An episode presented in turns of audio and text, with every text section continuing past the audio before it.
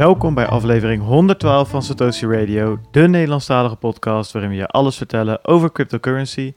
Ik ben Bart Mol en ik zit hier uh, digitaal met uh, Bert Slachter en uh, zijn broer Peter Slachter. En Bertje, je zit op de camping in, in Zuid-Frankrijk. Ja, net zagen we de berg op de achtergrond. Nu lijkt het meer een soort van weiland. Nu had het... Ah, kijk, kijk, kijk, kijk eens. Ja hoor.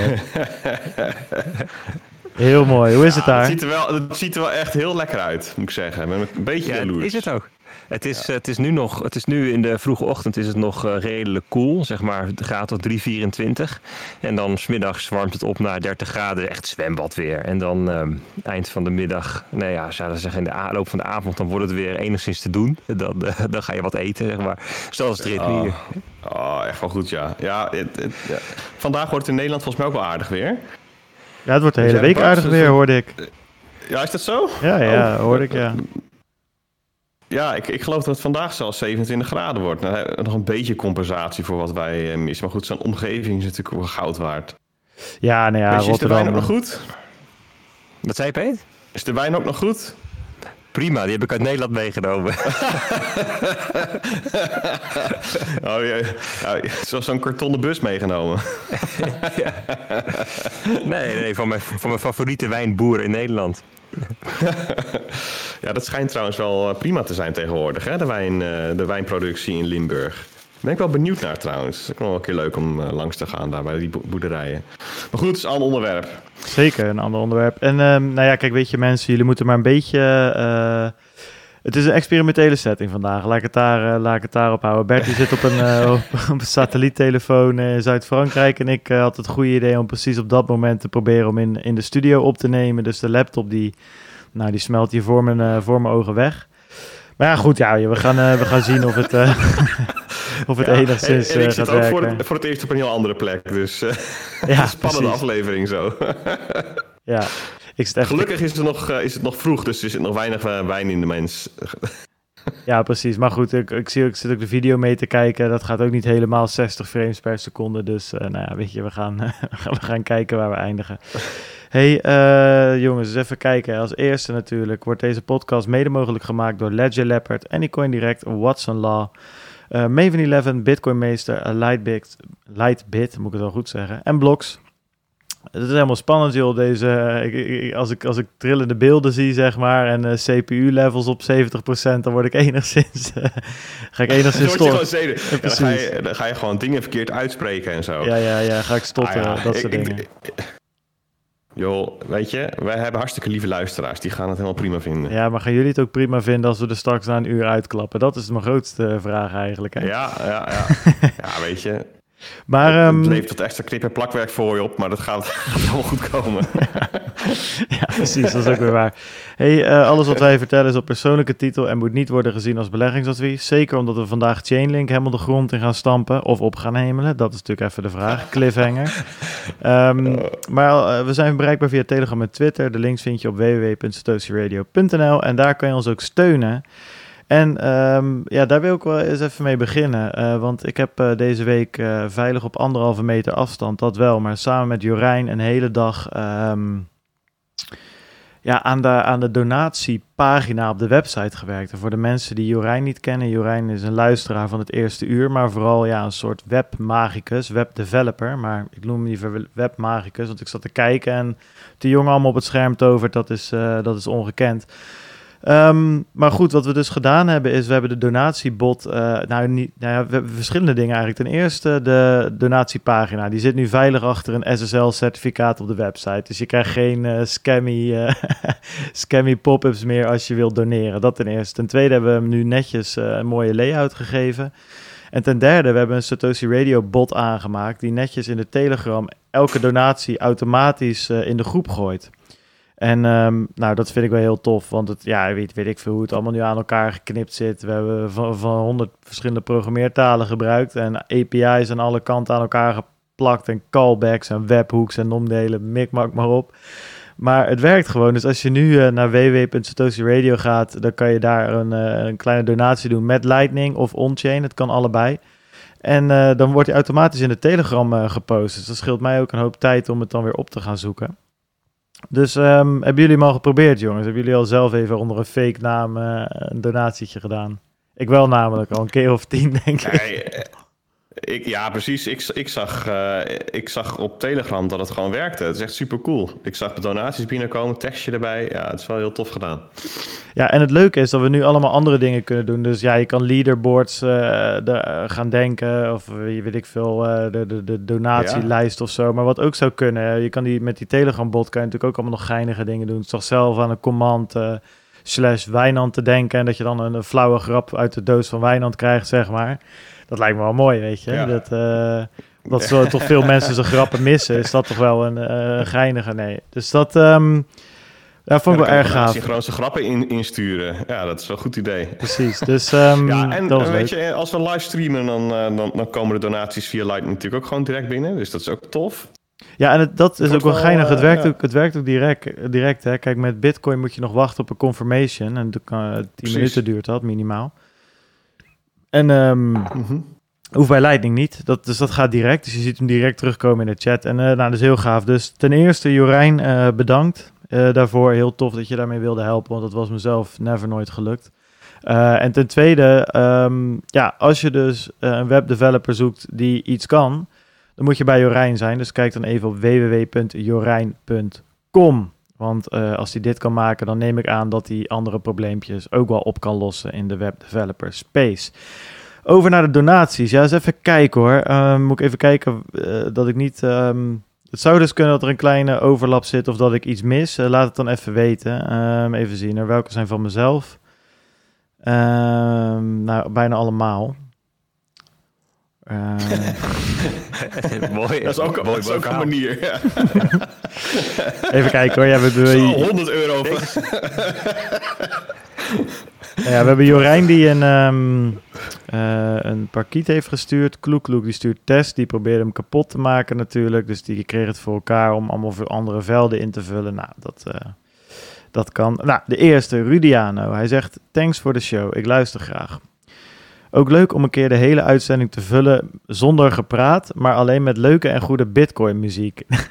Niet als vervanging, maar als extra show. Ik help er graag bij. De boogie dan als laatste sluitstuk. Nou ja, dat, uh, dat kwam omdat ik had gezegd dat mij het wel leuk leek om een keer na een livestream een soort van vrijdagavondborrel uh, uh, disco muziek te gaan draaien. Maar hij wil geen disco muziek um, of Italo disco, hij wil Bitcoin muziek. Nou, ik weet niet of je daar een uur mee kan vullen, maar het lijkt me best geinig om een keer te doen. Maar goed, dat zal dan inderdaad een losse uh, uitzending worden. Theo die zegt, uh, oh nee, dat was ik zelf. uh,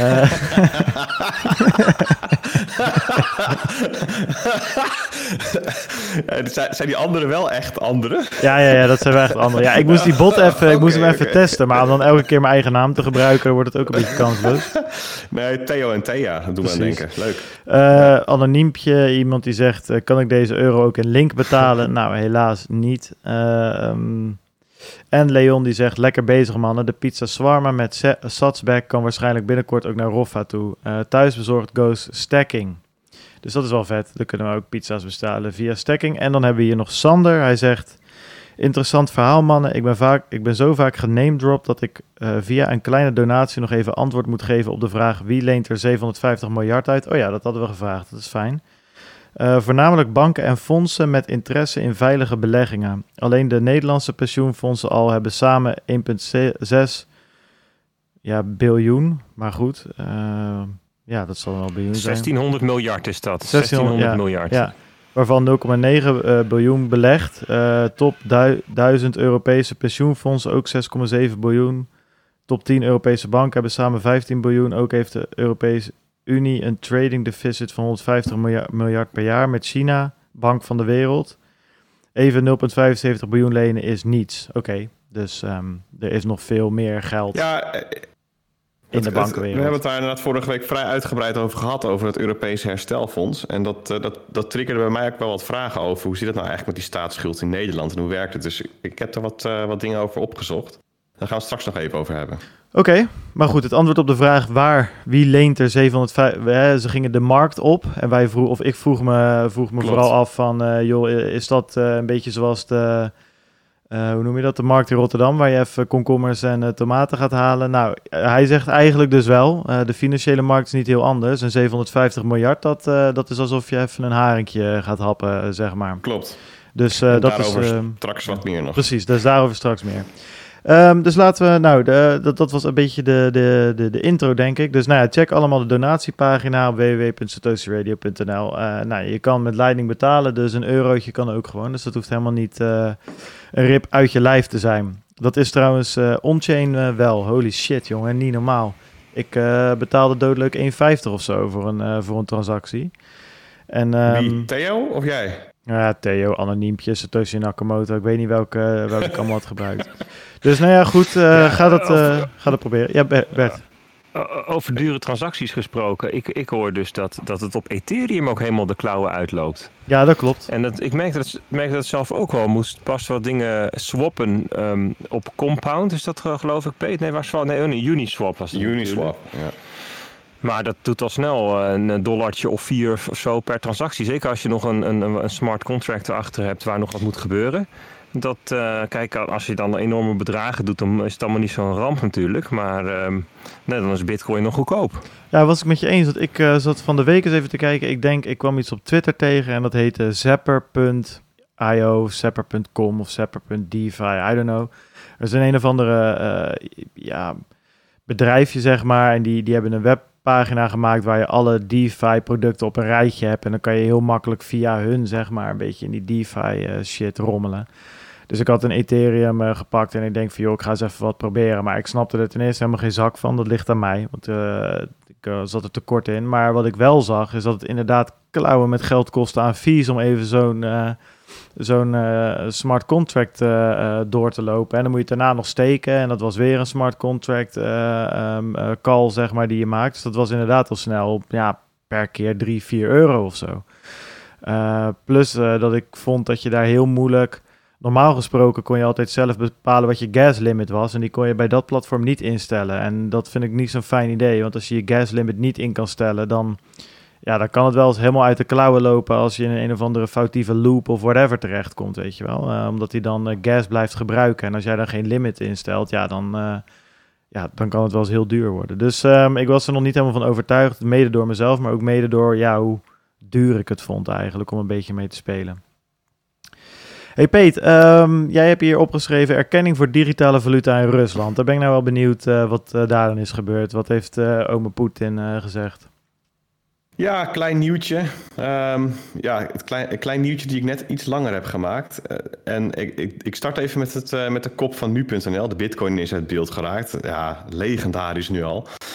Um, uh, ze schreven een heel stuk over blockchain en niet bitcoin. Eigenlijk was dat het thema. En dat opende met een alinea over bitcoin. Dat het helemaal in de vergetelheid is geraakt. Het kwam, het zag en het ging weer weg.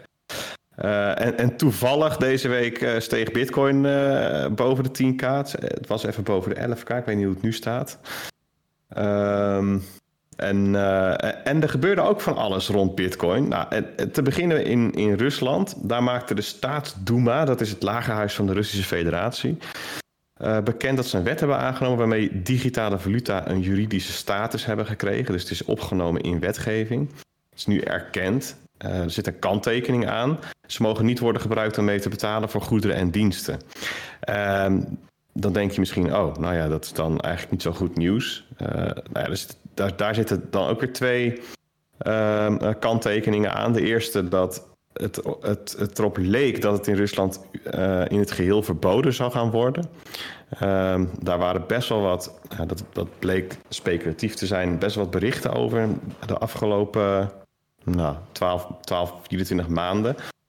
Um, nou, dat is dus niet gebeurd. En um, de andere kanttekening is dat eigenlijk in, in veel landen, ook in Rusland, um, het überhaupt niet mag om te betalen met andere valuta dan de, het wettige betaalmiddel, het wettelijk betaalmiddel.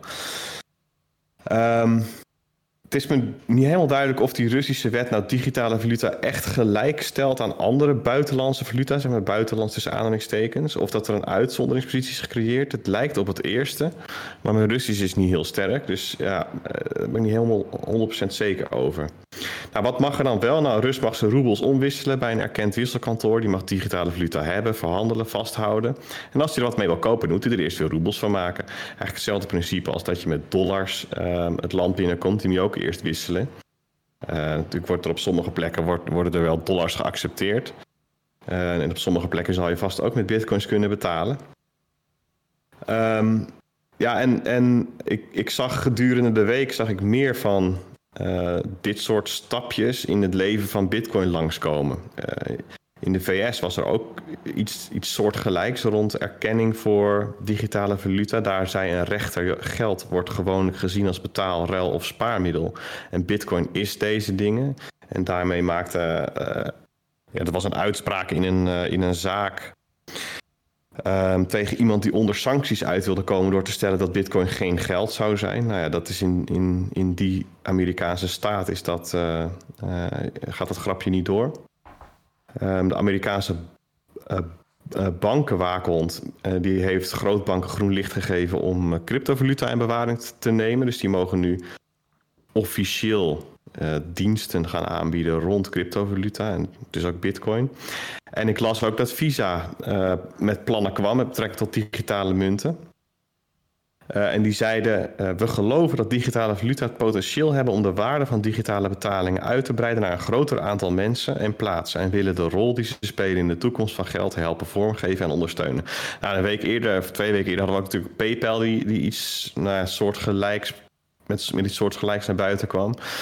Nou ja, en dan weer even terug naar de, de kop van nu.nl.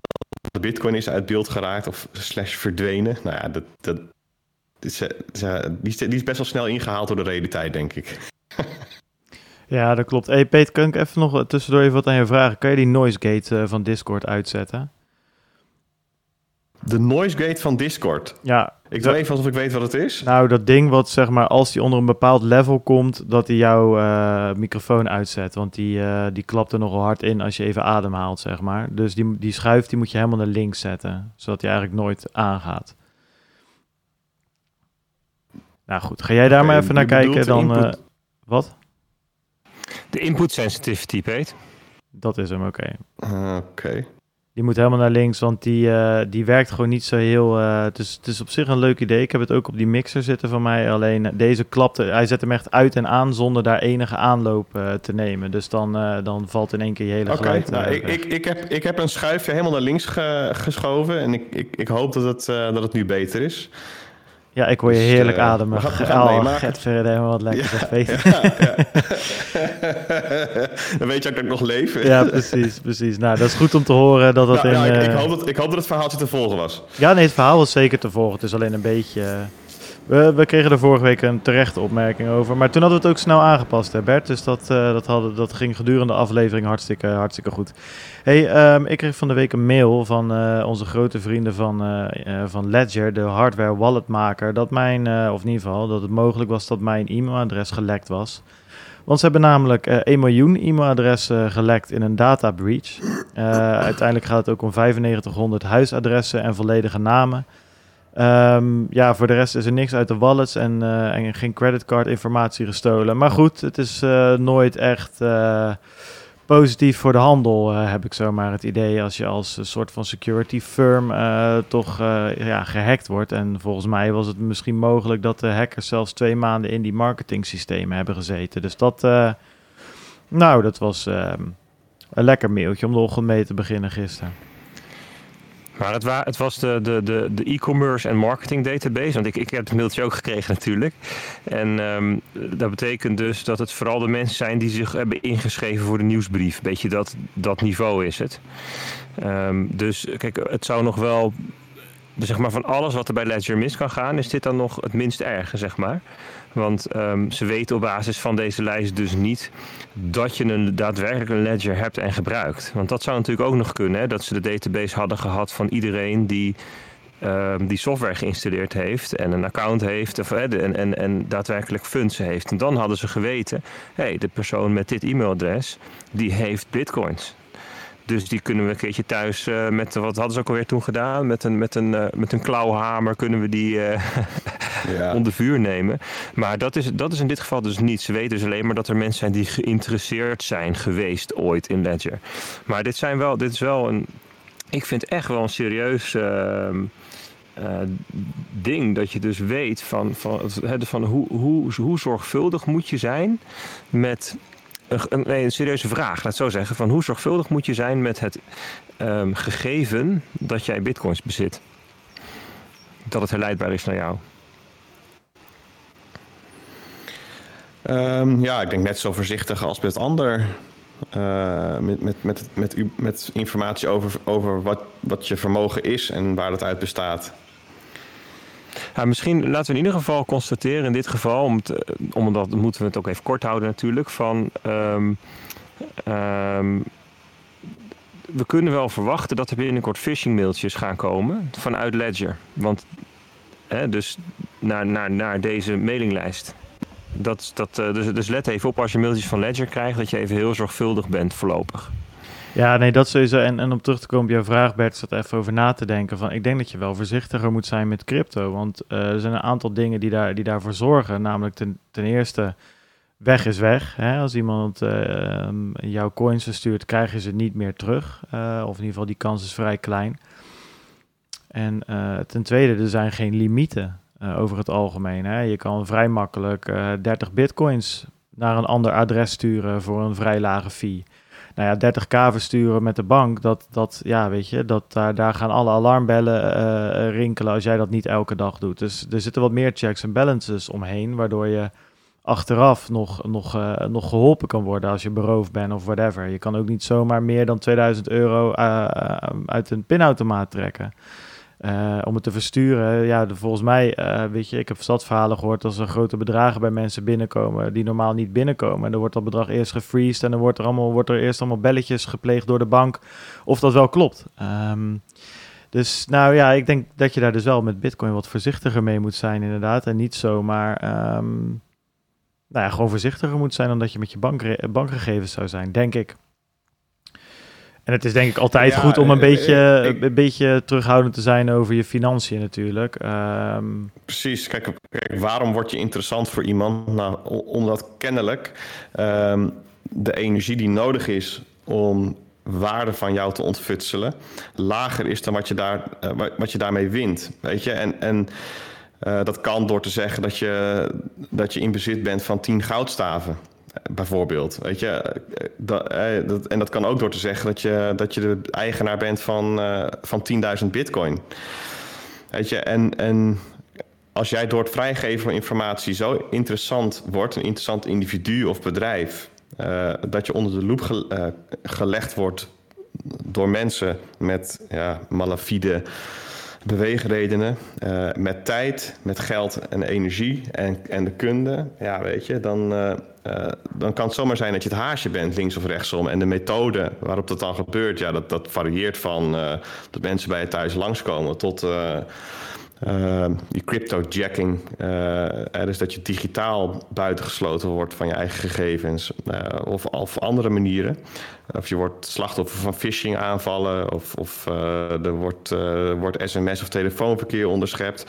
Ja, weet je, de, de, de, de manieren die, zij, die variëren van heel laagdrempelig tot heel kostbaar. En afhankelijk van hoeveel er bij je te halen is, uh, wordt een heel scala aan uh, methodes ingezet.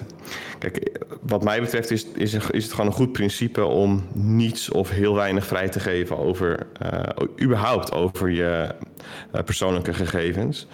zeker online, je weet niet wat ermee gebeurt, je weet niet waar het terecht komt. Je, je geeft uit handen. Totdat, totdat we um, zover zijn dat je echt eigenaar bent over je eigen gegevens, is privacy gewoon echt een heet hangijzer. Dus ik zou vasthouden aan uh, geef niets weg. Ja, nou, dat uh, lijkt me een goede tip, uh, Pa. Dus daar gaan we ons aan houden. Hey, eens even kijken hoor. Waar zijn we dan nu gebleven? Nou, ik gooi deze er even doorheen, want ik heb hem ertussen gezet. En deze kunnen we echt in de stijl van in het kort behandelen. Namelijk, Twitch geeft subscribers 10% korting als ze met Bitcoin betalen. Maar goed, je kan ook met Bitcoin Cash, Ether, XRP, USDC. Dus XRP is wel fijn voor jou, Peter, dat je, dat dan, dat je, dat, dat je ook van die bags af kan. Pax, BUSD, maar dat gaat dan via BitPay. Dus het zijn wel een beetje, ja, nou ja ik heb ook de laatste keer opgezocht van joh, eh, met Bitcoin betalen. Ja, het kan inderdaad, maar je moet wel drie schermen doorklikken of zo. Ik vond het allemaal niet zo, niet zo heftig als dat, um, als dat het nu weer als nieuws gebracht wordt. Um, dus leuk om te melden, maar niet heel interessant. Maar ik zie hier iets over een oude schaakmeester staan. Oude schaakgrootmeester. ja. Ja, tuurlijk. Ik, ik zag dat langs zo en denk leuk om even te melden. Dus, dus ja, ja, hoe spreek je zijn voornaam uit? Gary? Gary? Gary? Kasparov. Schaakgrootmeester. Ik denk dat, dat de meeste mensen de naam Kasparov wel kennen. En die eh, brak een lans voor bitcoin. Hij zei in gesprek met Forbes... alles wat ons de mogelijkheid biedt om meer grip te krijgen op privacy is welkom. Daarom denk ik dat het onvermijdelijk is dat bitcoin in populariteit blijft toenemen. Nou, komt, dat, uh, komt zijn uitspraak zomaar uit de lucht vallen? Dat niet. Uh, hij is voorzitter van de Human Rights Foundation. En die naam heb je misschien wel gehoord, want die kwam online langs in het nieuws. Um, vanwege de oprichting van een Bitcoin Development Fund. Um, Kasparov die, die zei in aanvulling op die uitspraak het volgende. Het mooie van Bitcoin is dat je precies weet hoeveel er zijn. 21 miljoen. Kijk je naar de andere kant, de Fed bijvoorbeeld, dan weet je nooit hoeveel miljarden dollars er morgen weer op de markt verschijnen en je spaargeld aanvreten. Mensen gaan op zoek naar andere manieren om hun vermogen te beschermen tegen inflatie of staatsbemoeienis. Nou, en daarmee haakt hij, uh, denk ik, in op het verhaal van Bitcoin, dus het, merkverhaal, de merkbelofte. Um, uh, een belofte die in deze tijd heel goed resoneert. En ik hoor hem ook steeds vaker weer terugkomen in, in allerlei podcasts en, en ik lees hem vaak in artikelen. Um, en, en dat merk rond Bitcoin, ja, dat, is, dat is echt een heel sterk merk. Ik, ik, ik hoorde in um, van de week luisterde ik een podcast en die zei, daarin werd gezegd van joh, misschien is Bitcoin wel uh, het sterkste nieuwe merk van de afgelopen tien jaar. Uh, en ik geloof dat ik daar wel mee eens ben. Ook als je kijkt naar hoeveel het nu waard is.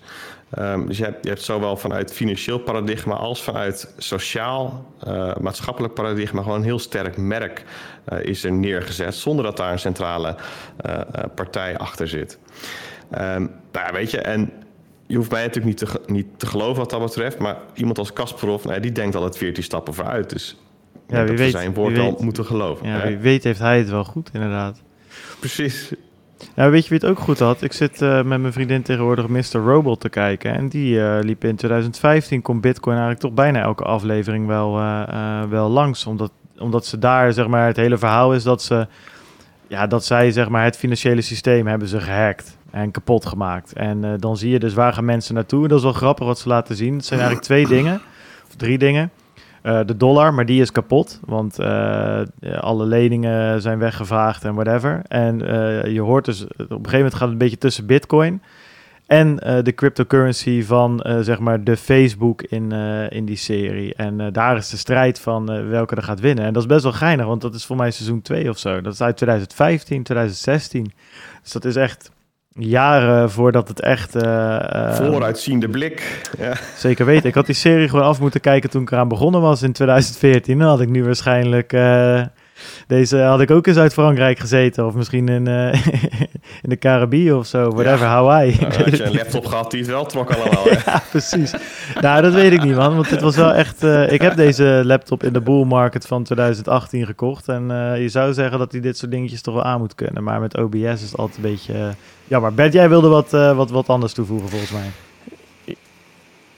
Ja, nou, oh nee hoor. Ja, over, over Mr. Robot heb ik weinig toe te voegen. Behalve dat het, wat, wat cool is aan die serie, is dat alle, alle um, hacker dingetjes ook een, in ieder geval een beetje ergens op slaan. Ja. In de meeste series of films, als er dan um, uh, broncode of source code langskomt, of, hè, of, of als iemand gaat zitten typen in een terminal, wat ze dan meestal laten zien is um, een langscrollende uh, broncode van, uh, van, van jQuery of zo, wat echt helemaal nergens op slaat. Maar hier zijn ze gewoon echt daadwerkelijk aan het SSH en, en, weet ik wat naar dingen. Dus dat is nog ik zag voor Putty. de nerds is het nog in ieder geval dat ze zich niet helemaal kapot ergeren. Ja, ik zag Putty langskomen, Bert.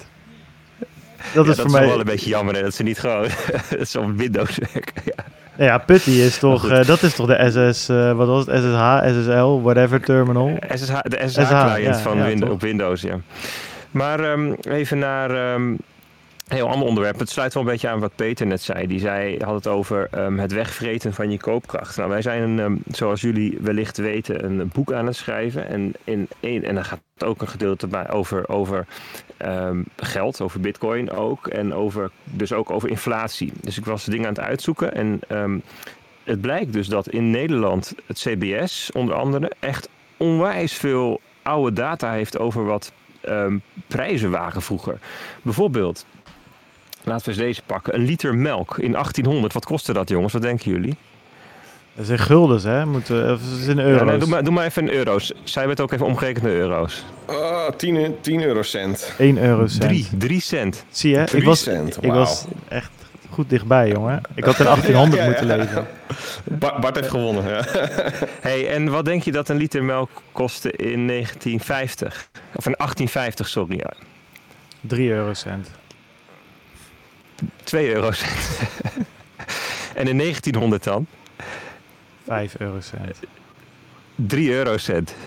Dat is echt onwijs interessant. Als je ook gaat kijken naar aardappelen, die gaan van 1 naar 2 naar 1 eurocent. En ehm, brood, nou ja, dat zit zo'n beetje rond de 7 euro. Dat blijft het ook. En de hele, hele 19e eeuw is de gulden gewoon, ja, eigenlijk de gulden blijft de gulden. En voor een gulden kun je gewoon evenveel aardappelen, rijst, riplap, roomboter, suiker en thee kopen in 1800 als in 1900. En in 1910 ook nog. En eigenlijk zie je pas dat vanaf 1920, want ze hebben het dan per 10 jaar in deze tabel, dat de prijzen echt flink gaan stijgen. En ehm, ehm, diezelfde, hetzelfde pak melk, nou dat weten we misschien wel, nu kost nu 90 cent in de supermarkt. Dus dat is ehm 30 keer zo duur. En die prijs begon eigenlijk pas na de Tweede Wereldoorlog echt hard te stijgen. 6 cent in 1940 naar 9 cent in 1950, naar 18 cent in 1960, 50 cent in 1980. En dan ineens zie je elke decennium zie je er eh, nou ja, tientallen procenten bij komen. En nou ja, dus er is ook nog een ander ehm, instituut, dus het, het, het Internationaal Instituut voor de Sociale Geschiedenis. Die heeft vanaf die heeft ehm, inflatiecijfers voor Nederland vanaf 1500 zoveel.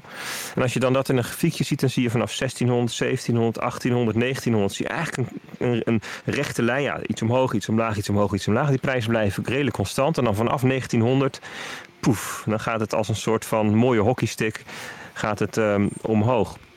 Ehm, en dat is dus wel interessant, ook omdat wij roepen altijd van ja, dat is sinds 1971. Hè, want dan is de, de koppeling met de goudstandaard losgelaten.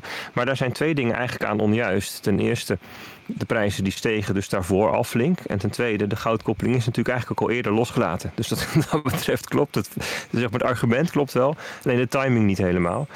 En ehm, ja, ik vond het wel, een hele, wel heel, heel erg interessant om zo eens door te bladeren. En, en dus te zien dat er echt een periode is geweest van drie, vier eeuw. Dat het heel normaal was dat als je 10 guldens had verzameld, dat je daar 100 jaar later nog evenveel van kon kopen. En dat we dat hele eh, aspect, ja, dat dat eigenlijk al een aantal generaties nu weg is. Maar waar zou dat dan wel aan kunnen liggen, denk jij, Bert? Waar het aan ligt? Nou, dat, dat, dat ligt zeker wel aan het uh, feit dat um, als je geen fysieke beperkingen hebt in de vorm van goud of zilver of iets dergelijks wat je moet aanhouden in een kluis, dat je dan dus makkelijk te veel geld in omloop brengt. Dat, uiteindelijk is dat wel het mechanisme. En dat zie je natuurlijk in een oorlog als in de Eerste Wereldoorlog en de Tweede Wereldoorlog is dat natuurlijk heel logisch. Hè. Je moet, er zijn weinig inkomsten, je moet veel gaan uitgeven. Er zijn allerlei uh, effecten die dan um, zeg maar die balans verstoren. Na de Eerste Wereldoorlog hebben ze geprobeerd om weer terug te gaan naar de goudstandaard. Dus dan zie je ook de inflatie weer heel erg dippen. Nou, dat was ook de grote depressie en allemaal moeilijke tijd. Dus, dus je hebt eigenlijk een periode van 1910 tot 1945 die, die, die heel moeilijk eigenlijk um, te beoordelen is. Omdat daar gewoon heel gekke dingen aan de hand waren. Dus een, een, twee oorlogen en een grote depressie. Um, maar eigenlijk vanaf dat moment zijn ze al begonnen met het loslaten van een, een een standaard, een edelmetaalstandaard. Nou, en dat roepen wij natuurlijk heel vaak. En, ja. um, ik vind het aardig om dat Nou, te zien die- die- die- in feitelijke cijfers. Die data is inderdaad erg, eh, erg geinig. Misschien moet je het even in de groep gooien als, je, als, je die, eh, als het openbaar eh, beschikbaar is. Dat denk ik wel leuk voor mensen om daar mee te kijken. Of dat kan in die samenvatting van Peet. Toch?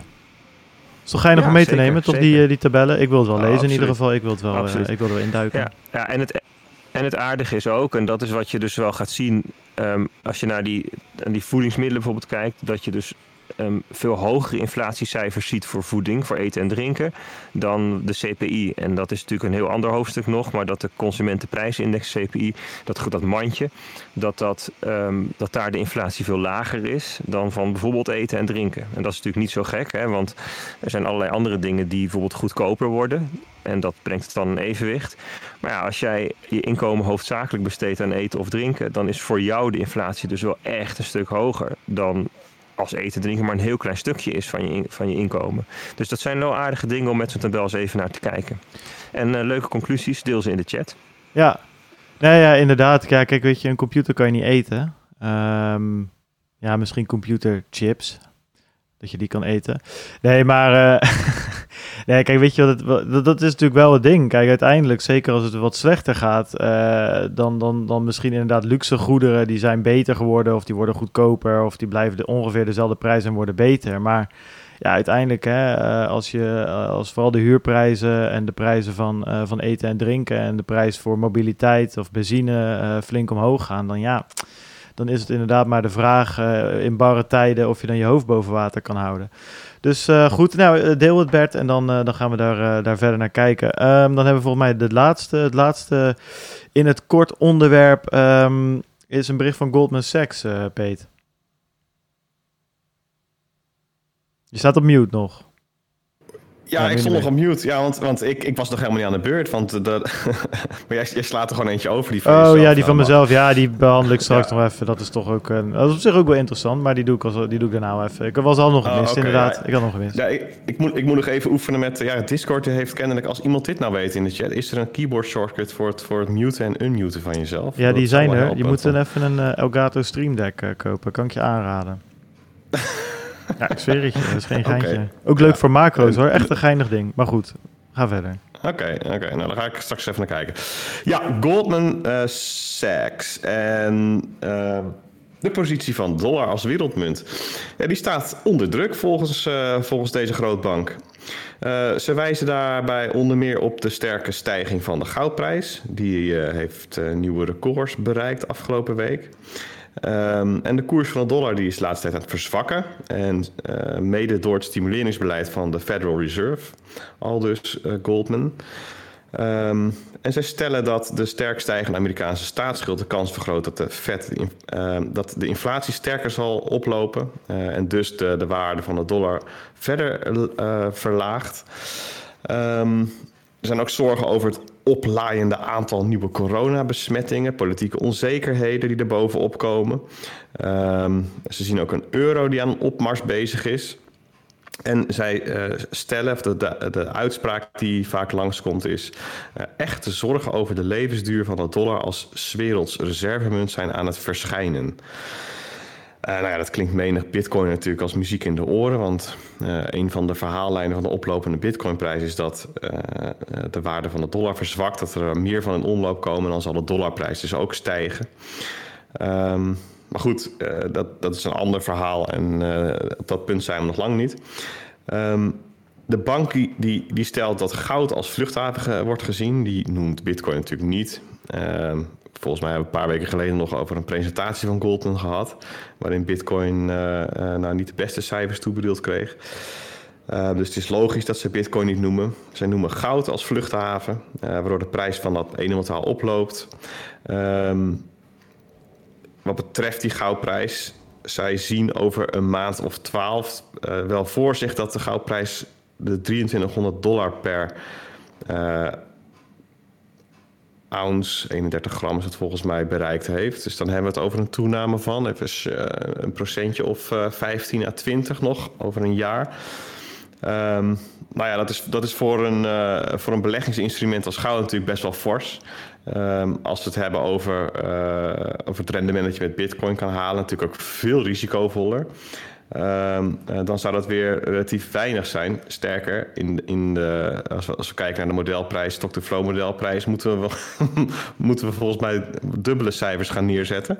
Of, of driedubbel. Ik weet niet, wat is de modelprijs over een jaar, Bert? 100 miljard, volgens mij, per bitcoin. Het hangt er beetje vanaf welk model je gebruikt. ja, je grossiert er tegenwoordig in. Maar waar nu het meest in geloofd wordt. nou, ik, ik denk dat, dat, um, dat je dan volgend jaar op een tonnetje moet zitten. Maar dat is wel het leuke. Ik, we doen natuurlijk die prijsupdate nu elke week. En je ziet dus elke week de modelprijs. Kijk, wat ze vaak doen is um, dat ze de 365 of 400 zoveel daagse um, moving average nemen van de modelprijs. Uit om, vanuit het idee van dat als de halving plaatsvindt, dan kun je niet verwachten dat de prijs van de ene op de andere dag uh, keer 10 gaat. Dus dat moet er een soort van ingroeien. En, um, en dan, dan nemen ze zo'n jaar, omdat Plan B dan wel eens gezegd heeft van oud moet in elk jaar wel eens onder en boven die prijs komen. Weet je wel, zoiets. Dus, eh, dus ze smeren dan dat verschil uit over een jaar en dan wordt het dus elke week ongeveer 200, 300 dollar hoger, de modelprijs. En een kleine cliffhanger, we zitten op dit moment onder of boven de modelprijs. We gaan het straks horen. nice. Nice, inderdaad. Nou, nou dat is dan mooi. Toch? Ja, precies. Zullen we dat gaan horen? Ik, ben benieuwd. Ik kan niet wachten. Ja. Dat ik, zag ook dat er weer een tweede, tweede stip, uh, tweede rode stip uh, op de lijst was of op de grafiek was geplaatst. Dus dat moet wel. Nou, spannend hoor. Dat gaan we dan zo zien. Hey, was dat het verhaal over Goldman Sachs of um, of is er nog ja, uh, daar ook nog wat? Uh, want ik zie dat onze lekker kort uh, in het kort gedeelte inmiddels ook op 40, 40 minuten zit. Het is knap hoor. Ja, joh, het is ook vakantie. Ja. Hè? Dan doen we het wat rustiger aan. Het is ook voor ons even vakantie. De, de, het, het, is natuurlijk redelijk ongenuanceerd. Kijk, zo'n zo bericht over de, dat de positie van de dollar onder druk staat. Daar zou je natuurlijk ook gewoon 20, 30 minuten over kunnen praten. Maar dat was niet de bedoeling van, het onder, van, het, van dit precies, segment. Hè, dus dus um, ja, weet je, dat, dat, dat, dat, dat ongenuanceerd laten van onderwerp, dat is voor ons denk ik uh, waar we in moeten oefenen. Dus laten we het gewoon lekker ongenuanceerd. En als het nou uh, discussie oplevert, dan kom lekker naar de chat en dan hebben we het verder over die dollar die onder druk staat. Precies, nou dan zal ik meteen even oefenen. Geen hond koopt meer bitcoin opties op Bakt. Um, uh, Behalve Maurice. Behalve Maurice. Nee, nee ja, er is dus geen hond meer op, uh, op bak te vinden. Namelijk sinds uh, 15 juni uh, worden er geen bitcoin-opties meer gekocht. Um, er, er, werd nog wel eens wat verkocht daarvoor. Volgens mij op de top iets van 500.000 per dag of zo. Of voor 500.000 dollar per dag. Dus ja, er zit er niemand meer, want 92% van de Bitcoin-opties die worden verhandeld op Deribit. Hè? Ooit Nederlands, nu Panamees. Um, en die, die, die, die draaien een volume van ja, iets van 100 miljoen dollar in een, in een dag. Dus nou ja, Bakt is eigenlijk, nou ik wil het geen doodgeboren kind noemen, maar wel een dood kind, zeg maar inmiddels bedoel, als ik dit zo lees, dan is dat niet. Uh, ja, dat gaat gewoon helemaal niet goed daar. Wat ooit de hoop was natuurlijk. hè? Maar gelukkig hebben we het stock-to-flow model tegenwoordig. Anders had ik niet geweten wat we, wat we nu hadden moeten doen. Maar dit is maar één van die producten van Bak, denk ik. Hè? Ja, het zijn Bitcoin-opties inderdaad. Het zijn volgens mij niet, niet hetzelfde als futures of zo. Maar uh, dit, uh, de, de Bitcoin-opties gaan niet goed in, de, in ieder geval. Nee. Ja, ja ik, ik, heb het idee dat, um, dat Deribit wat dat betreft wel gewoon eventjes de race aan het, aan het winnen is. Dat, dat is natuurlijk niet al, dat, dat zal niet altijd zo blijven, maar die hebben nu al ja, tussen de 90 en 95 procent van de markt in handen. Ik, ik, ik ben benieuwd hoe het met Bitmax is bijvoorbeeld. Hoor je relatief weinig over hè, tegenwoordig. Ja, weet ik context van opties. Nou, laat het maar eens weten als iemand dat weet. Want ik handel niet op uh, Bitmax en ook niet op Deribit. Ik handel eigenlijk helemaal niet meer.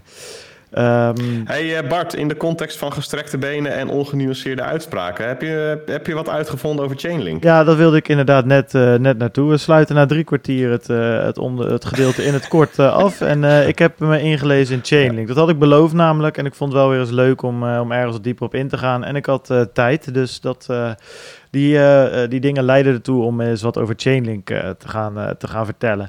Maar goed, ik ga het eigenlijk niet echt over Chainlink hebben. ik wil het eigenlijk over wat Chainlink doet en welk probleem ze op willen lossen hebben. En dat gaat over het Oracle-probleem. En om het Oracle-probleem te, te, kunnen snappen, moet je eigenlijk eerst terug ja, een beetje naar het begin eigenlijk. En dat zijn smart contracts. Want daar komt dat probleem voor. Wat is een smart contract nou eigenlijk? Nou, een beetje de, de, de, de, de definitie is een self-operating computer program that, that automatically executes when a specific conditions is met. Or specific conditions are met eigenlijk. Dus het is een stukje software waar je verschillende uh, rules in kan zetten. En als daar allemaal aan voldaan wordt, aan die rules of conditions zoals hier genoemd worden, dan wordt dat uh, um, contract uitgevoerd. Uh, dat is niet anders dan bij een normaal contract. het verschil is eigenlijk, en dat is heel belangrijk, dat is de trustless execution. Dus omdat dat contract op een blockchain staat, wordt het uitgevoerd zodra, dan wordt het 100% zeker uitgevoerd zodra aan die condities is voldaan. Dus om een voorbeeld te geven, je zou een contract aan kunnen maken op de blockchain. Nou, dat is bijvoorbeeld met de ICO's is dat gebeurd. Daar wordt in dat contract wordt een aantal conditions gezet. Dus bijvoorbeeld een whitelist adres. Dus dat alleen een bepaald aantal adressen uh, naar dat contract wat mogen sturen. In dat contract staat vastgelegd uh, de wisselkoers, dus hoeveel tokens je terugkrijgt. Nou, je stuurt 10 Ethereum erheen. Dat contract checkt of jouw adres op de whitelist staat. En zo ja, dan is aan alle conditions voldaan. En dan krijg jij een aantal tokens terug volgens de wisselkoers in dat contract. Nou, so far so good, uh, zou je zeggen. Maar wat is dan precies het probleem? En uh, Jimmy Song die heeft daar in 2018 al best wel een goed artikel over geschreven. Dat is natuurlijk wel echt een bitcoiner, dus je moet een beetje door de, uh, ja, de, de, sceptische houding ten opzichte van Ethereum in het algemeen doorlezen. Maar over smart contracts zegt hij wel een paar interessante dingen. Daar zegt hij namelijk: Smart contracts only work if there is some definitive link between the digital and the real world. En dat is belangrijk, want het voorbeeld wat ik gaf net, dat gaf ik niet toevallig. Uh, in dat voorbeeld leven zowel de Ethereum uh, uh, tokens als de altcoin tokens, die leven op de Ethereum blockchain. En dan kan je zo'n smart contract maken.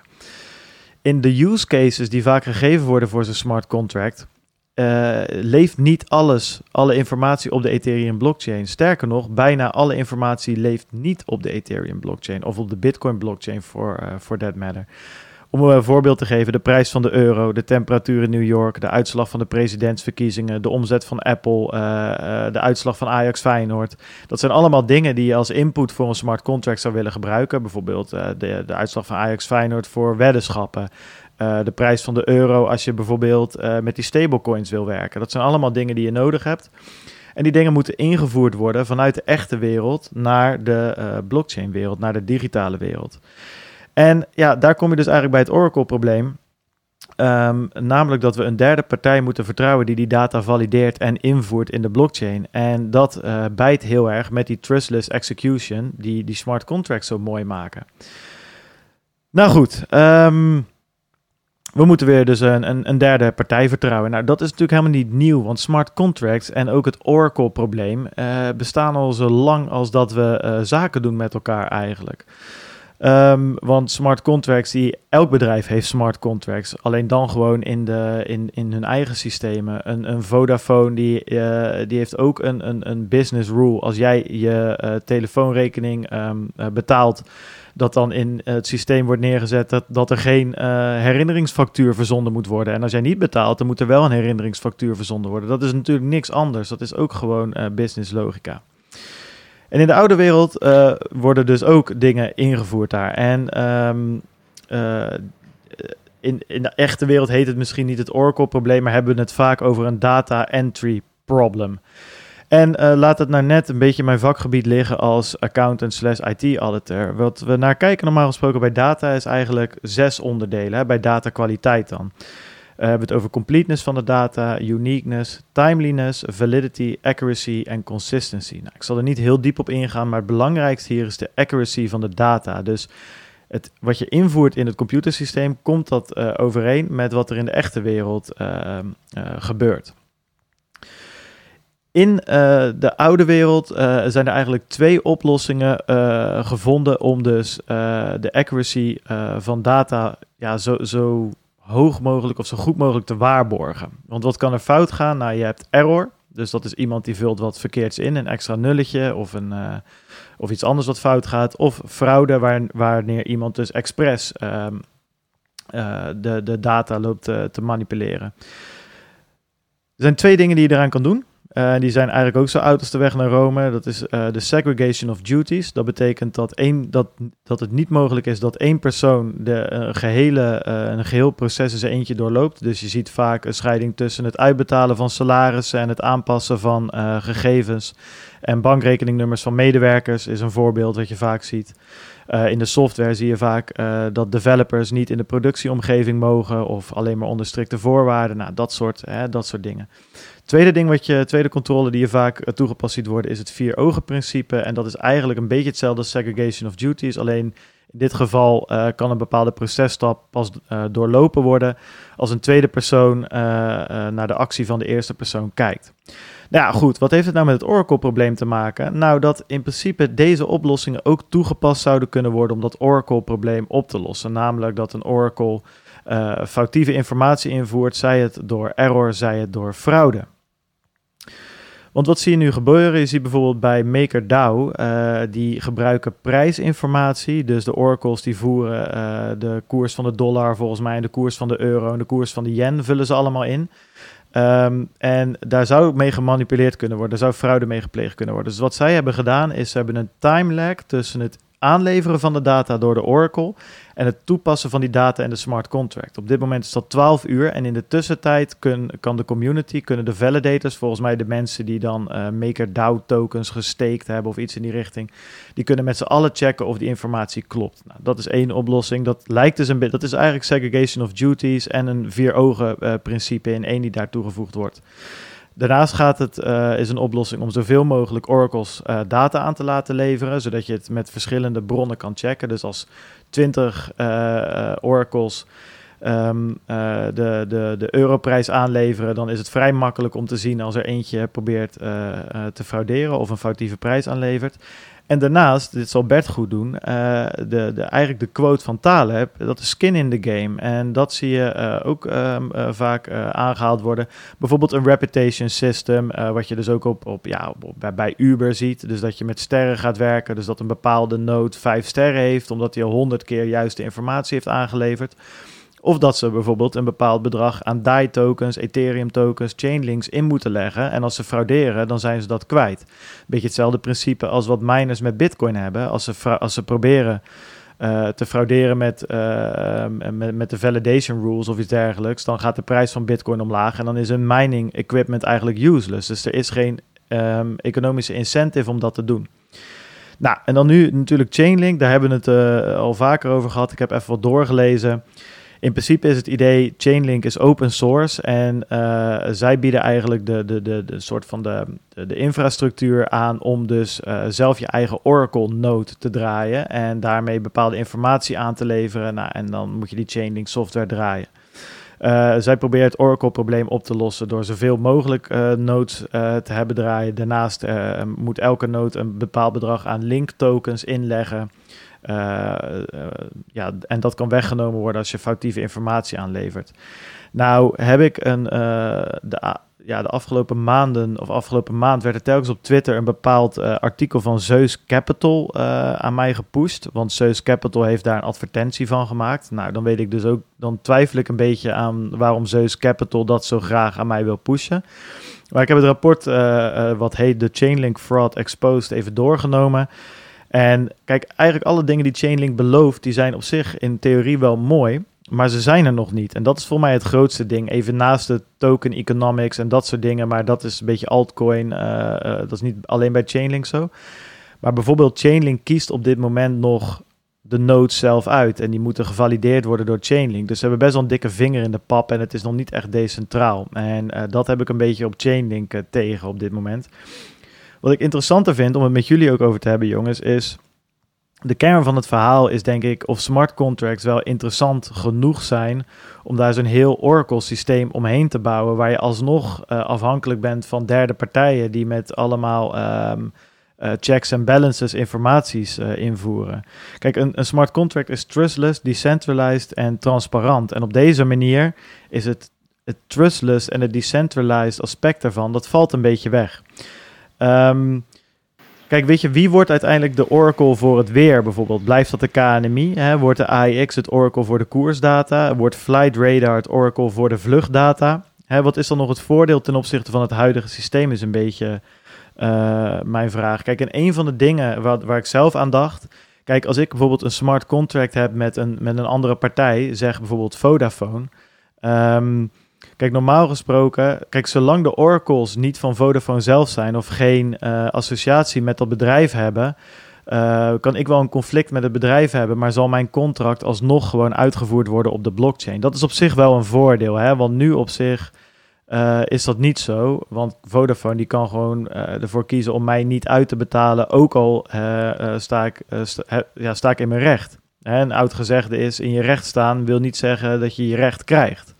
En dat zou hier kunnen veranderen. Maar ik, ja, elke keer als ik over smart contracts zit te denken, dan kom ik hier toch een beetje op uit. Ook wat Jimmy Song zegt weet je, als iets niet leeft in de digitale wereld, dan wordt het heel, ja, dan, dan is het voordeel van smart contracts een beetje weg. Maar goed, ik ben benieuwd hoe jullie er, er, er, erover denken. Er zit denk ik nog een stap tussen. Um, en dat is dat een smart contract die wordt niet alleen uitgevoerd door de node die het blok maakt, maar die wordt uitgevoerd door, door iedereen die het blok controleert. Dus door alle nodes eigenlijk.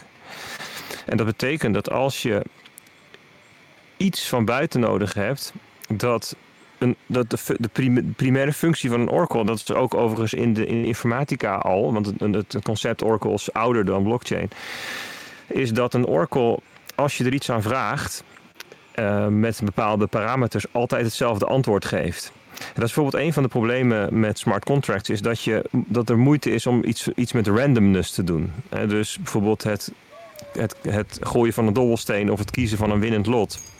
Want als elke, elke EVM, elke e- Ethereum Virtual Machine, je het contract uitvoert, krijgt hij een ander random getal natuurlijk. Maar je wil dat ze allemaal hetzelfde random getal krijgen. het, het, zeg maar, het, het, het meest um, fundamentele wat een oracle kan inbrengen, is dat als je opvraagt van geef mij een random getal of wat is de beurskoers van dit moment of hoeveel graden is het buiten, dat het aan, aan iedereen hetzelfde antwoord geeft. In plaats van dat het antwoord juist is. Dat is eigenlijk nog weer stap 2. Dus je zou kunnen zeggen van er zijn eigenlijk twee dingen die opgelost moeten worden. Dat je altijd hetzelfde antwoord krijgt. Dat moet namelijk omdat het decentraal is. En daarna is de vraag, kunnen we dat antwoord dan vertrouwen? Slaat dat antwoord ergens op? Dus ik zou mij niet verbazen als er um, zeg maar een soort van autoritieve dataleveranciers komen. Die ook cryptografisch kunnen bewijzen dat zij de KNMI zijn. Wij zijn de koninklijke meteoroloog, weet je wel. Dus, dus wij weten echt hoeveel graden het is buiten. En dat vervolgens er een technisch platform is, zoals Chainlink of wat dan ook, die, die ervoor kan zorgen dat als 100.000 gedecentraliseerde computers vragen hoe, hoe warm is het buiten, dat dan dat ene antwoord van dat moment van KNMI overal terechtkomt. Dat je, misschien, misschien is dat wel de, de belangrijkste functie van zo'n zo'n Oracle uh, laag of, of, of, of partij. En we hebben een tijdje terug gehad over decentralized identity. En dan was het hele aardige eraan bijvoorbeeld dat zo'n uh, wallet dan kan zeggen van nou deze persoon is inderdaad ouder dan 18. Zonder dat je hoeft te onthullen wat je geboortedatum is. Um, maar wie zegt nou dat dat antwoord ja of nee, ouder dan 18, dat dat ook klopt? Ja, dat kan dus doordat je een claim hebt in je wallet. Die is afgegeven door bijvoorbeeld de gemeentelijke basisadministratie. Um, dat jij daadwerkelijk ouder bent dan 18. En dat je dus cryptografisch kunt controleren van, nou ja, dat heeft daadwerkelijk de gemeentewijk Beduursteden in mijn geval gezegd. Dus dan vertrouwen we erop dat dat deugt. En we kunnen ook controleren dat deze proof, dit bewijs, is geleverd op basis van een claim van de gemeentewijk Beduursteden. En dat is goed genoeg. Um, eh, dus misschien zou het wel kunnen zijn dat je dus hè, via zo'n Oracle-netwerk een antwoord krijgt. En dat je dus cryptografisch kunt controleren. Nou, dat is gegeven door een partij eh, waarvan wij, die wij vertrouwen met het geven van temperatuurdata of beurskoersdata. En dan is het dus autoritief voor ons. Dus dat is een beetje een richting die ik verwacht of zo. Ja. jij, Peter, heb jij nog. Um Nee, ik vind het een heel goede aanvulling. Kijk, um, ik heb wel onderliggend aan de kritiek op, uh, uh, op het bestaan van oracles de vraag wat de verwachting is dat ze oplossen.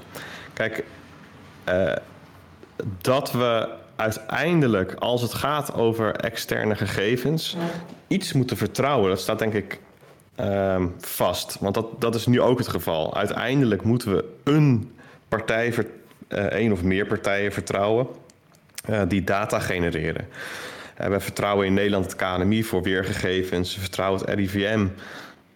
Oké, we hebben het RIVM voor gegevens over, over het verloop van corona. Um, we hebben allerlei overheidsinstanties en semi-overheidsinstanties die iets zeggen over statistiek in Nederland. En um, uh, dat, dat er ergens partijen en mensen zijn uh, die de data aanleveren, die de data structureren, uh, die, die daar abstracties op toepassen, die daar slimme dingen over zeggen, waarvan we de uitkomst moeten vertrouwen, omdat we de, ja, dat, dat, daar ontkomen we niet aan. dus net als in. Net als in, in de fysieke wereld zal er in de digitale wereld altijd een bepaalde mate van vertrouwen nodig zijn. Ja. En, en, er zijn maar heel weinig systemen waar dat niet voor is. En Bitcoin is er daar denk ik één van. Ja, kijk, weet je, uh, daar had ik het toevallig dus met Jorijn nog over. Want we, uh, we waren nog wat gaan eten, zeg maar, je gaan eten daarna. Toen hadden we het daar nog over. Kijk, daar vertrouw je natuurlijk code. En dat snap ik wel, dat, dat, dat, je dat... Eh, ik vertrouw ook liever code dan een mens. Hè? Ik bedoel, code is nou eenmaal minder uh, gevoelig voor uh, een, een, een, een, een, een berg met dollars, om een voorbeeld te geven. Hè? Waar je als mens iedereen toch wel zijn prijs heeft uiteindelijk, denk ik. Maar goed, ja, weet je, bugs en dergelijke dingen zijn natuurlijk ook van alle tijden. Dus dat... dat je vertrouwt altijd Klopt. eigenlijk wat. Um, Klopt. Uh, bij Bitcoin is bijvoorbeeld zo, daar kwam constant laatst mee dat daar bijvoorbeeld uh, de tijd wordt gepakt. En ja, waar die nou vandaan wordt gehaald of, of hoe dat wordt geverifieerd, dat, dat, dat zijn ook dingen, dat zijn natuurlijk ook externe dingen die in zo'n systeem worden gehaald. Ja. En uh, dat dat allemaal natuurlijk wat extremer is en daardoor wat simpeler is, is prima. Maar ook daar vertrouw je dingen natuurlijk.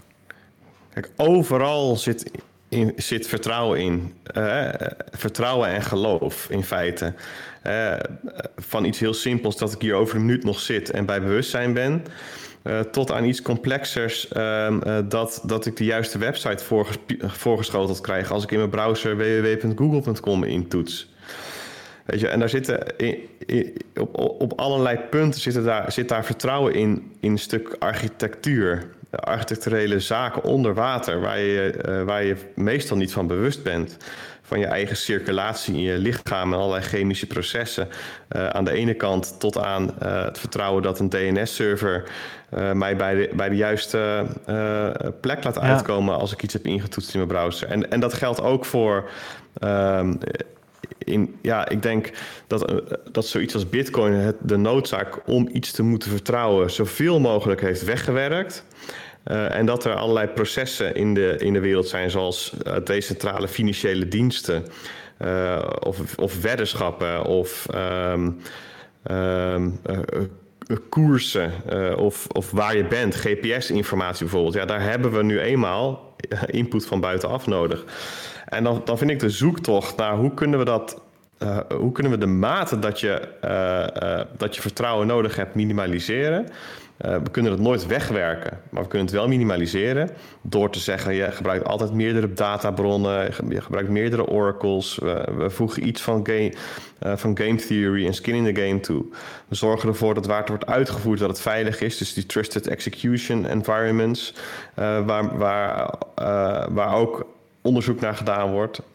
Ehm, de smart contract zelf onder de loep nemen, op zoek naar fouten um, bugvrij maken. Weet je? En, en ja, het is afhankelijk van. Er zijn heel veel puzzelstukjes die moeten vallen. Maar ik vind het op zichzelf wel mooi dat er, dat, dat er een poging gedaan wordt om die puzzel te leggen. Ja, en, en, in die context denk ik dat, dat Chainlink best wel een, uh, uh, voorop loopt. Waar het niet. Dat zij ook daar nog gewoon op sommige punten in de. dat hun technologie ook nog in de kinderschoenen staat. Dat jij zegt, ja, er zit nog een heel, heel hele laag van, uh, van centralisatie omheen. Ja.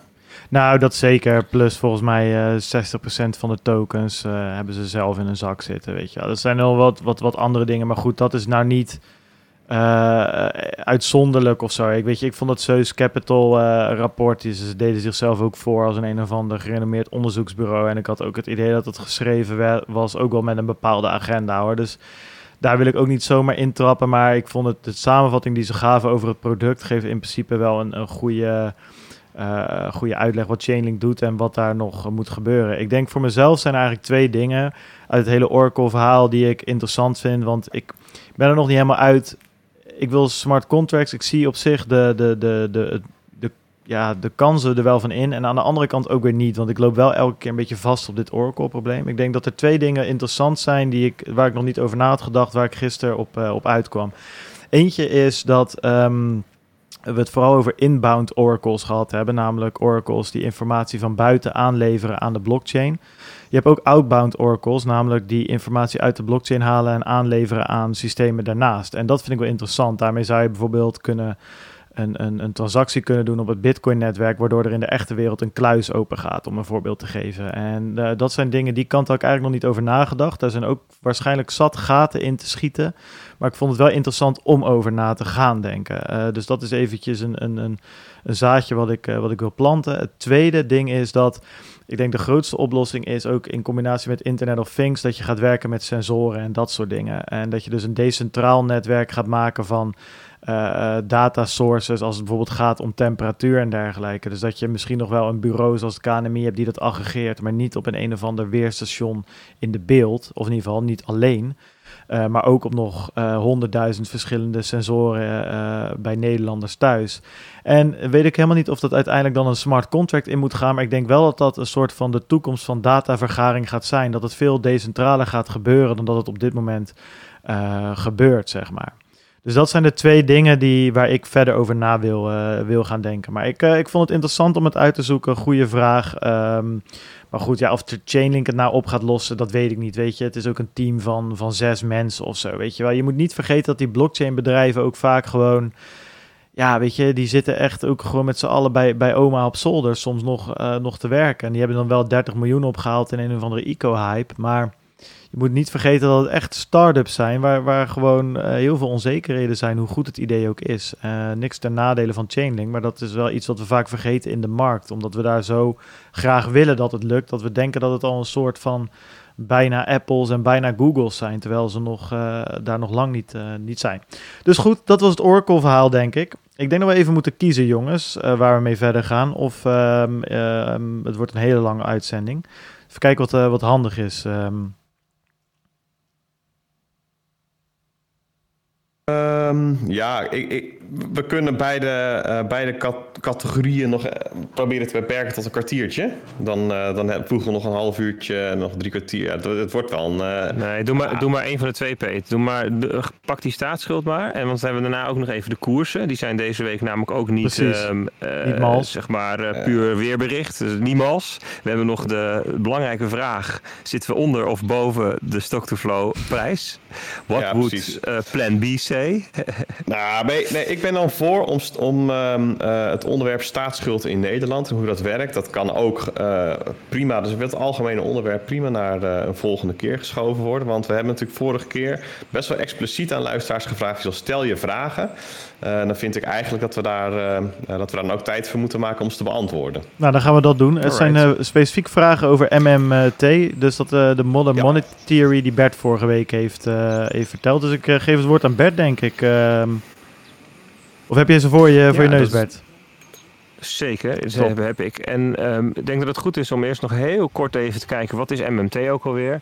Voor de mensen die de vorige uitzending nog niet geluisterd hebben. Overigens, het is niet verkeerd om hem dan eerst even, dit even op pauze te zetten... en die vorige eerst even te luisteren. Even, Sowieso die was ook al twee uur bijna volgens mij. eigenlijk als je, moet je gewoon bij uitzending 1 beginnen en ze allemaal luisteren. Nee, maar zonder gekheid. Um, het idee van MMT is dat, dat, je, dat mensen zeggen... Van, ja, we hebben sinds een x aantal jaar hebben we fiat geld. Dus dat is geld waarbij er geen fysieke beperking is... in de zin van goud of zilver... waarvan de muntjes gemaakt um, um, moeten worden. En, en terwijl de economische... denktrand, de, de theorie die we nu hanteren, nog gebaseerd is eigenlijk op die beperking. En eigenlijk zou je dat helemaal los moeten laten en moeten kijken van oké, dus gegeven het feit dat er fiat geld is, hoe zou je dan het beste je economie um, kunnen besturen? En dat is de Modern Monetary Theory. En die zegt van nou, dat moeten we op deze manier doen. En ehm, die zegt eigenlijk, de essentie ervan is: de overheid mag of moet misschien geld uitgeven. En als dat er niet is, gewoon creëren. En ze zeggen eigenlijk van nou, geld, is er bij, eh, geld is er niet. Als de overheid uitgeeft, dan ontstaat het. En als de overheid belasting int, dan verdwijnt het weer. Eh, ehm, dat is in de praktijk nu niet zo, maar zo zou het eigenlijk moeten zijn. De overheid moet, moet geld uitgeven zolang niet iedereen aan het werk is. Of nog ietsjes generieker gezegd, zolang nog niet alle uh, capaciteit van de maatschappij benut is. want het gaat niet alleen over mensen die werk hebben, maar ook over fabrieken die uh, op capaciteit lopen of niet en grondstoffen die wel of niet gebruikt worden. Zolang dat nog niet het geval is, zolang er nog slack is in de maatschappij, in de economie, dan moeten we geld uit, dan moet de overheid geld uitgeven. Um, en als op het moment dat, je de, dat de, dat de, de capaciteit wel gebruikt is, dan moet de overheid daarmee stoppen. Of die moet dat inperken. Want anders ontstaat er inflatie. Dat is de, kern van het verhaal. Met een aantal voorwaarden. Lang niet elk land kan dat doen. Nou, dat, daar hebben we het vorige week over gehad. En dan is de vraag, de eerste vraag. Um, die we hier zien. Eens even kijken. Welke zullen we eens pakken? Van Rido Hidayat op Twitter. En die zei: um, Ik heb de podcast geluisterd, maar ik begrijp nog niet hoe MMT een goed idee zou kunnen zijn. Nou, dat is denk ik voor heel veel mensen um, de eerste zeg maar, gedachte van dit kan toch niet goed gaan. Hoe kun je, zegt hij als overheid, economische waarde creëren voor, door het drukken van geld? Mijn inziens is het enige wat je dan doet de waarde verschuiven van de bezitters naar de drukker. Um, ja, dat is een leuke vraag. En het punt is dat geld is ook niet hetzelfde als economische waarde. Dat zegt MMT ook niet. Zij zeggen van um, het, de essentie is het, het, het volk laat, de, laat potentie liggen om waarde te creëren. Want er zijn namelijk fabrieken die niet 100% capaciteit lopen. En er zijn mensen die willen graag werken, maar die kunnen dat niet, want er is geen werk. Dus, dus we laten, laten potentie om waarde te creëren liggen. En het uitgeven van geld door de overheid spreekt die potentie aan. Dus het zorgt ervoor niet dat er waarde ontstaat, maar dat mensen waarde gaan creëren. Dat is eigenlijk het mechanismetje wat ze in gang willen zetten. En ze zeggen eigenlijk van, nou weet je, als wij nou, even een, een simpel voorbeeld, als wij nou zeggen van laten we nou eens alle bruggen en snelwegen um, gaan um, uh, onderhouden, dan kunnen al die bouwvakkers die nu zonder werk thuis zitten, kniezen, die kunnen dan aan de slag en die kunnen dan dus um, uh, waarde gaan creëren. Want, een, een want uh, een goede infrastructuur, dat is waarde. En ze krijgen daar dan wat salaris voor en dan kunnen ze dan weer brood van kopen. Dat betekent dat de bakker grotere oven kan kopen, omdat hij gewinst maakt. Dat is ook weer waarde. Dus op die manier wordt er waarde gecreëerd. Dus het is eigenlijk dat ze zeggen van um, er is onbenut potentieel. En dat blijft onbenut totdat de overheid um, geld gaat uitgeven. Maakt dat voor jullie sens, eh, Peter, Bart? Is dit een uh, logisch, logische reden? Ja, ja, zeker. Alleen um, mijn, mijn vraag daarbij is weer: wordt dan langzamerwijs de rol van de publieke sector, dus de overheid, niet onwijs groot? Het, uh, die, die, die, het is een soort zwart gat van, uh, van waardecreatie dat je bij de overheid neerlegt. Nou, er zijn eigenlijk twee, twee denkrichtingen over. De eerste is dat um, dat uiteindelijk via die besteding van de overheid. Kijk, dat is natuurlijk waar op het moment dat je zegt dat iedereen die geen werk heeft, die komt in overheidsdienst en overheidstaken uitvoeren. Dus bijvoorbeeld verpleger of, of uh, onderwijzer. Um, of soldaat of zo. Um, maar het idee is ook dat heel veel van het werk wat gecreëerd wordt door de overheid, dat dat uiteindelijk ook weer bij de publieke sector of bij de private sector terecht kan komen. Dat is het ene. En de andere is dat je overheid kan geld uitgeven hè, door daadwerkelijk te besteden. Maar de overheid kan ook geld uitgeven, tussen aanhalingstekens, door de belastingen te verlagen. En MMT'ers zeggen eigenlijk van ja, je kunt, als je, als je rechts bent, zal ik maar zeggen, dan, en je wilt dus meer aan de markt overlaten, aan de private sector, dan verlaag je de belastingen. En dan, wat er dan dus gebeurt, is dat mensen meer te besteden hebben en die gaan dat besteden. En dat komt dus bij bedrijven die meer winst gaan maken, mensen kunnen aannemen, et cetera. Um, en als je meer links bent, dus meer van overheidssturing en ehm, ehm, eh, zeg maar een mening hebt over waar geld aan uitgegeven zou moeten worden, dan ga je niet de belastingen verhogen, maar gaat de overheid meer geld uitgeven. Dat zijn twee varianten die vanuit MMT-perspectief exact hetzelfde zijn.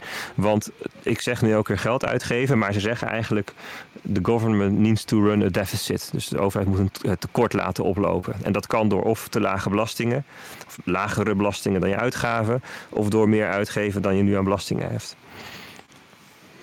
Ja, ja. Kijk, kijk het, het verlagen van, uh, van belastingen is een. Uh, uh, die, is redelijk agnostisch ten opzichte van, van wat je met, met het extra geld uitgeven, tussen aanhalingstekens, kunt bereiken. Die andere natuurlijk niet, want je, dan, dan de overheid zal moeten beslissen op welk punt ze geld injecteren en met welk doel. Dus hoe, hoe, hoe, dicht ligt, dit, ligt MMT aan tegen een heel georchestreerde economie vanuit, vanuit de overheid? Nou ja, dat, eh, als je, als je eerlijk bent, dan moet je dat dus lostrekken van elkaar. En moet je kunnen zeggen, van, um, er is dus ook een heel rechtse, liberale uh, conservatieve, libertarische kant aan. Namelijk dat je dus de belastingen heel ver omlaag brengt en dat dus helemaal aan de markt overlaat. Maar in de praktijk zie je dat er heel veel van, van de MMT'ers, van de toonaangevende MMT'ers, dat die tamelijk progressief van politieke ideologie zijn. En je ziet daar dus heel veel ja, vooruitgangsdenken in terug. Waarbij ze zeggen van hé, laten we dat geld wat we dan creëren, die deficit die we laten oplopen, laten we dat nou eens uitgeven aan een betere zorg. Hè. Dus in Amerika is dat uh, zorg moet gewoon gratis zijn voor iedereen. Um, ja, dat, wij hebben dat in Nederland natuurlijk al een stukje beter geregeld. Maar aan onderwijs, daar hebben ze een mening over, maar ook bijvoorbeeld aan de Green New Deal. Hè, dus aan het vergroenen van de economie. En daar zie je natuurlijk wel, daar, daar, daar stuit het natuurlijk heel veel um, conservatieven tegen de borst. Maar dat, dat het, zeg maar, de, de, de linkerhoek van het spectrum is oververtegenwoordigd in MMT-land. Oké. Ja, precies. Kijk, ja. Zullen we naar de volgende vraag gaan? Of, wat heb jij nog, uh, of heb jij nog een vraag, oh. Oh nee hoor, ik, ik dacht we zijn even met een leuk gesprek bezig. Dus nee ja, het mag, weet je, als jij echt een goede vraag hebt, mag dat. Maar ik zie, ik zie mijn disk space ook langzaam aftikken hier. Dus als we straks niet willen dat de computer helemaal Kijk, jongens, eh, eruit knalt, dan... Dit uh... is, dit is dus even een voorbeeldje van hoe onze moderator met gestrekt been gewoon even een gesprek om zeep helpt. Ja, dat, dat, is de enige, dat is de enige manier hoe ik jou een beetje kan moderaten. Net als met die fapgans, dan moet je ja, gewoon nee. op mute, weet je. dit is gewoon slash, ik, slash mute is dit. Ik, ik vind het ook terecht. We, gaan we, we gaan verder naar, uh, naar Constant, zie ik. Ja, die zei: Hoe is MMT anders dan wat Hitler deed post-Weimar? En post-Weimar, dat was. Um, uh, Weimar er was er sprake van hyperinflatie. Dus uh, zijn vraag is, um, zoals bij constant in principe redelijk constant is, een behoorlijk cryptisch. Um, maar ik heb hem aangegrepen om het eens te hebben over hyperinflatie. Want dat is denk ik wel de meest gehoorde kritiekpunt op MMT. Van ja, dat is oneindig geld uh, drukken en we weten dat het maar op één manier kan aflopen. En dat is met hyperinflatie. En daar zijn zij het zelf niet mee eens. Um, maar het geldt wel dat voor ontzettend veel landen dat een groot risico is. Um, en dat geldt vooral voor um, een groot deel van de landen, de, ook wat, wat armere landen of misschien ontwikkelingslanden, die um, hebben hun munt gekoppeld via een vaste wisselkoers aan de dollar. Bijvoorbeeld Bermuda, Venezuela, Nigeria, Saudi-Arabië ook. Heel veel van die olielanden hebben dat. Libanon, Jordanië. Um, sommige landen hebben geen eigen munt. Zoals um, Ecuador, Panama, El Salvador en uh, alle EU-landen. Um, en er zijn allerlei landen die lenen veel in buitenlandse valuta, zoals Turkije, Argentinië, Oekraïne, Brazilië. Er is een heel scala van landen die op een of andere manier heel kwetsbaar zijn, doordat ze eigenlijk um, afhangen van een hele sterke externe munt, namelijk de dollar. En stel nou dat er iets gebeurt, bijvoorbeeld de rente op dollars gaat heel erg omhoog. Dan wordt het voor die landen ontzettend moeilijk om te lenen. Veel moeilijker, veel duurder om te lenen. Want ze moeten die rente op de dollars die ze lenen ook in dollars betalen. En hoe kom je nou aan dollars? Um, wat er ook soms gebeurt is dat hun exportproduct, hun enige grote exportproduct, hè, want dat is wat je vaak ziet, zo'n land heeft één ding, bijvoorbeeld olie of gas, hè, zoals in het Midden-Oosten. Maar het kan ook sojabonen zijn. Of um, nou ja, Venezuela had ook olie, olie geloof ik. Hè, of cocaïne. Dat heb je Ze hebben ergens een exportproduct. En stel dat de vraag daarnaar heel erg afneemt, of de prijs daarvan daalt heel erg, dan hebben ze ineens een heel groot probleem. Want waar komen die dollars ineens vandaan? ze zijn afhankelijk van. Of, en dat zie je nog wel eens in echt kleine ontwikkelingslanden, is dat er een soort pump-and-dump uh, plaatsvindt door buitenlandse investeerders. Die komen erheen, die gaan hele hoop kopen in dat land. Dus de, er is veel vraag naar hun interne munt hun eigen munt. Nou, dus die, de waarde daarvan neemt toe. En daarna op een gegeven moment verkopen ze de shit weer. En dan daalt de waarde van die munt. Maar ze hebben schulden in dollars. Of ze hebben verplichtingen in dollars. Eh, en um, dat is voor die landen dan een heel groot probleem. Ze moeten dan een lokale munt gaan bijdrukken. Om spullen uit het buitenland te kunnen kopen waar ze van afhankelijk zijn. Uh, dat kan zelfs voedsel zijn of, of um, benzine of gewoon ja, dingen die je vaak nodig hebt. Of ze moeten geld bijdrukken om de rente te kunnen betalen op hun schulden in dollars of om af te lossen. En door dat bijdrukken wordt de munt heel snel minder waard. Spullen uit het buitenland worden duurder, zijn ze vaak erg van afhankelijk. Het prijspeil stijgt en dan krijg je inflatie. En uiteindelijk hele hoge inflatie, dat noemen we hyperinflatie. Dat is eigenlijk de, de gebruikelijke um, route hoe je tot hoe je een munt opblaast. dus je gaat kijken naar alle munten die, die ergens failliet zijn gegaan, dan, dan de afgelopen honderd jaar, dan zie je vaak dat het zo'n soort patroon is. Er zijn wel uitzonderingen en dat zie je bijvoorbeeld in Weimar in Duitsland, eh, in, uh, nou ja, wat was het jaren twintig of zo. Dat, wat er toen aan de hand was, dat had ook te maken met de herstelbetalingen na de Eerste Wereldoorlog. Toen um, werd er gewoon werd er zoveel um, besteed eigenlijk door de overheid, dat er, dat, um, dat er veel meer vraag was dan aanbod in het land. Dus er werd eigenlijk meer dan de, dan de capaciteit van het land werd er benut, zal ik maar zeggen. En dan krijg je daadwerkelijk inflatie. En dat is precies het punt waar van MMT zegt, ja, dat, als je MMT goed gedisciplineerd doet, dan gebeurt dat niet. En want dan stop je dus met besteden voordat um, dus op, op het punt of iets voordat de capaciteit volledig benut is. Dus de, het Weimar-scenario, dus hyperinflatie doordat je besteedt over de grens heen van de capaciteit, de productiecapaciteit van een land, dat gebeurt niet. En de andere scenario's van hyperinflatie, die gebeuren ook niet, want je moet helemaal niet aan MMT beginnen op het moment dat je niet voldoet aan de criteria waarmee, die er zijn voor MMT. En, en die criteria is bijvoorbeeld dat je, niet, dat je geen schuld hebt in een andere munt dan jezelf. dus dat zijn een beetje de, um, de, de, de, argumenten van MMT om te zeggen van nou ja, maar dat, dat um, uh, als je dit goed uitvoert, dan krijg je geen hyperinflatie. Uh, het betreft is wel interessant hoor. De MMT'ers zelf die zitten, ook helemaal niet. Die zijn ook best wel anti-inflatie. Dat, je zou, ik dacht vroeger zelf van, weet je, die mensen, dit is dezelfde club als de Universal Basic Income Club, maar dat is ook, ook helemaal niet zo. Daar zijn ze ook helemaal niet voor.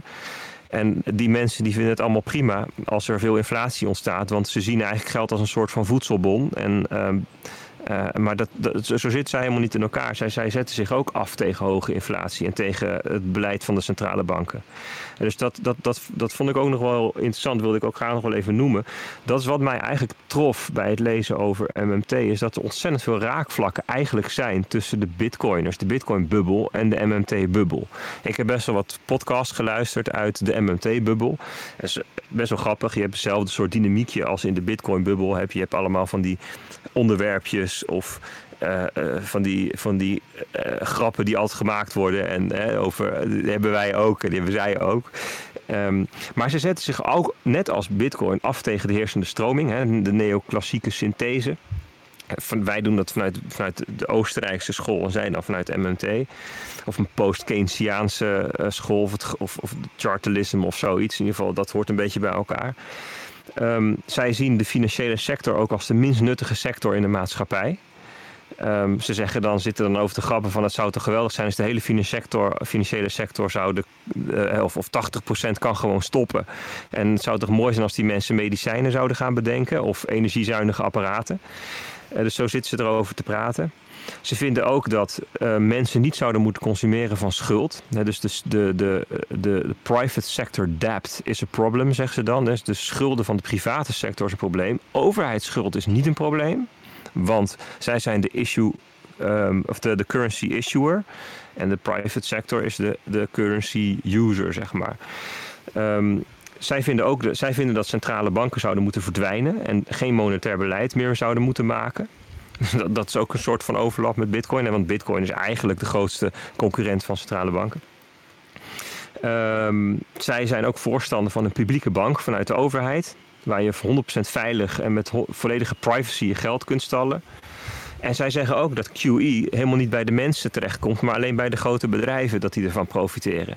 Dus wat dat betreft, dat vond ik wel heel aardig. Van, um, uh, dat daar een soort overlap zit. En ze zeggen dan ook, hè, MMT, dat is voor soevereine staten. Dus ze zeggen van je kunt alleen maar MMT doen als je soevereiniteit hebt, monetaire soevereiniteit. Dus MMT is voor soevereine staten. En Bitcoin zegt, Bitcoin is voor soevereine mensen. Want het gaat over je persoonlijke soevereiniteit. Hè, dus be your own bank. Dus ik zie best wel wat parallellen in hoe ze kijken naar wat er nu is.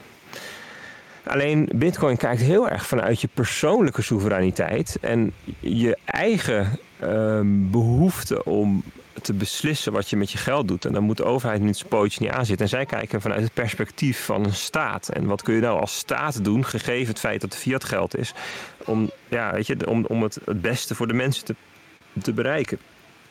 Dus dat, dat, dat, er zit meer. Het, het is niet van. Het is, ik, heb, ik heb een beetje het gevoel, het is niet het een of het ander. Hè, maar het zijn twee. Ze, ja, ik ben er nog niet over uit hoe dat zou, dan zou werken. Maar ze lijken op een of andere manier naast elkaar te kunnen bestaan. Oké. Okay. Hey Bert, er zijn best wel wat uh, uh, mensen die MMT zien als een volstrekt um, onhaalbare, uh, zeg maar in, de, in de praktijk onhaalbare uh, modus operandi voor een economie. Um, er wordt best wel gekscherend over gesproken. Een uh, beetje gedaan alsof het een sprookje is. Uh, hoe Net zoals Bitcoin trouwens. Ja, soms, maar ja, ja maar, maar Kijk, er wordt, er wordt, kijk, reken erop dat, dat 80, 90 procent van de economen, die zijn mainstream. Ja, dus die vinden, de, dit is, dat noemen we dan even orthodox, recht in de leer. En heterodox, oftewel een andere leer, alles, alles wat heterodox is, is eigenlijk, zijn eigenlijk gekkies. Ja, dus vanuit hun perspectief zijn Oostenrijkers, uh, bitcoiners, zijn net zo goed gekkies. Um, goldbugs zijn net zo goed gekkies als um, de MMT'ers. Dus ja, en, en vanuit de, de, de, de, mainstream economische stroming wordt daar dan altijd een beetje gekkerig over gedaan. Ik bedoel, kijk maar hoe, hoe het FD schrijft over Bitcoin. Dat is altijd een beetje met zo'n ondertoon van dat zijn weet je, die stel kleuters, die hebben nog niet door hoe de economie werkt. Ja, met diezelfde toon wordt er ook over MMT geschreven. En je moet echt in, de, in het konijnenhol gaan om erachter te komen van wat zijn nou de, de, de um, zeg maar de, de, de, de persiflages die er door de mainstreamers opgeplakt worden en wat is nou echt. En dat kun je, dat, je kunt dat niet beoordelen door een random artikel over MMT. Want dat is namelijk geschreven door iemand die het bij voorbaat kut vindt. En een beetje hetzelfde bij, bij, bij, bij de Oostenrijkse school met Bitcoin. Dus... En heeft, heeft MMT jou gegrepen? Een beetje soortgelijk zoals Bitcoin je gegrepen heeft? Ja, zeker, zeker wel. Um, alleen um, denk ik dat het aardige van Bitcoin is dat je er morgen kunt beslissen om ermee te starten. En je bent van niemand afhankelijk in die keuze. Uh, Bitcoin is ook niet afhankelijk van, um, of is intussen maar heel beperkt afhankelijk van, uh, van staten en overheden en supranationale instellingen voor of of, het, of het kan of niet. Kijk, ze kunnen het nog doodreguleren, hè, maar maar het meeste, het voor het meeste is, het, is, is Bitcoin wat dat betreft gewoon autonoom. En voor MMT ben je volledig afhankelijk van um, het eerst organiseren dat je monetaire soevereiniteit hebt als land. Nou, dat is voor een heel groot gedeelte van de landen in de wereld onwijs lastig. Waaronder voor Nederland, omdat we in de, in de, in de euro zitten. Um, en daarna moet je het nog democratisch gezien de handen voor op elkaar krijgen. En dat is ook denk ik heel erg lastig. Dus ik denk dat MMT een heel interessant framework is om van daaruit eens te kijken naar, um, naar economie. Maar dat het veel moeilijker haalbaar is dan Bitcoin. Ja. Hey, ik zat, uh, nee, ik ben, ben met je eens trouwens hoor, maar ik zat ook even te kijken. Laten we nog één vraagje van uh, Tang uh, doen. Want ik Ja. denk dat je de tweede wel aardig, of in ieder geval, dat is denk ik wel aardig langsgekomen al. Hij stelt één vraag over Ja. de negatieve rente. Ik denk dat dat nog wel geinig is om eventjes eh, te behandelen. Zeker. Ja, hij zegt wat ik me nog afvraag over MMT is hoe het zich verhoudt ten- tegenover de negatieve rente. Want het is misschien geen toeval dat MMT populair wordt in dezelfde periode, de periode dat de rente door nul gaat. Nou, MMT zegt eigenlijk dat, een, dat ehm, staatsobligaties gewoon een vorm zijn van geld. Ze, ze noemen dat yellow money en ze noemen ehm, eh, geld op je bankrekening of, of biljetten noemen ze green money. Hè. De, de, dat is vanuit de dollar geredeneerd natuurlijk, de greenback. Eh, maar ehm, dus, dus ze noemen dat gewoon twee vormen van geld. Ehm, zoals je geld op je betaalrekening kunt hebben en geld op je spaarrekening. Tegenwoordig eh, is dat een, een bet- betrekkelijk vloeibaar begrip, omdat je natuurlijk toch geen rente meer krijgt als consument. Maar vroeger had je geld op je spaarrekening staan, daar kon je gewoon niet mee pinnen. En dan moest je het eerst overmaken naar je betaalrekening en dan pas was het liquide, zal ik maar zeggen. Dan kon je het, kon je het pinnen. En je had zelfs nog dat je geld ook kon vastzetten voor één, voor drie of voor zes maanden of nog langer. En dan kreeg je een wat hogere rente. Dat kon, kon je gewoon doen bij je bank. En ik heb zelfs ooit nog bij de Rabobank een rekening gehad dat ik een rente kreeg ehm, over eh, eh, dat ik een, hogere rente kreeg als ik drie maanden lang mijn geld liet staan of zo. Weet je, zo'n soort gedachte. Eh, dus zij zeggen eigenlijk van staatsobligaties, want die heb je natuurlijk ook gewoon van één en van drie maanden. Dat, zijn, dat, is gewoon, dat is gewoon geld, maar een andere vorm van geld. Dus. ehm, eh, dus zeggen ze eigenlijk van je zou je daar helemaal geen rente op moeten betalen. Dus je zou eigenlijk het hele monetaire beleid wat, staat, wat centrale banken uitvoeren, zou je gewoon moeten elimineren. De centrale bank die moet eigenlijk gewoon genationaliseerd worden. We gaan alles monetair financieren. Dus dat is een andere manier dan financieren door obligaties uit te geven. En je creëert gewoon geld als nodig is. En je vernietigt het geld als het niet meer nodig is.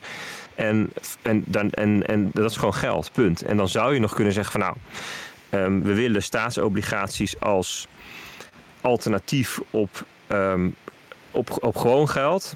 Voor de markt is dat misschien nuttig als je daar heel, zeker bij, de, bij de, het, lange eind van de curve misschien iets van rente op kunnen geven. Nou, het zou kunnen, could be. Zeggen ze, dus zeggen ze, daar zijn ze niet, hè, zijn, ze zijn er niet, ehm, daar zijn ze niet helemaal over uit. Maar in principe zeggen ze, joh, ehm, eh, geef gewoon iedereen een bankrekening bij de centrale bank. Dus, ehm, in plaats van, dus, hè, dus als jij staatsobligaties koopt, dat is eigenlijk hetzelfde als een spaarrekening bij de centrale bank. That's it. Dus, dus, dus ehm, wat vinden zij van negatieve rente? Ze zeggen van, nou, er moet helemaal geen rente zijn. Niet negatief, niet positief. En er moet helemaal geen monetair beleid zijn op basis van de rentecurve. Dus, dus, dus zij elimineren dat eigenlijk helemaal, dat hele stuk. Oké. Ehm, dus dus dat, dat, is een, dat is wel een interessante. ehm, het, is, het is echt, echt een ander paradigma. Hè. Dus ze zeggen ook van. eh, als een land zoals nu met corona eh, dingen moet financieren, dan moet het helemaal geen geld ophalen op de, ehm, op de markt. Het moet gewoon het geld creëren. Punt. en ehm, dus is het ook niet een probleem. Weet je, dat, ja, daar loopt, daar loopt de staatsschuld tussen aanhalingstekens op. Nee, de, de, de, gewoon de geldhoeveelheid wordt groter.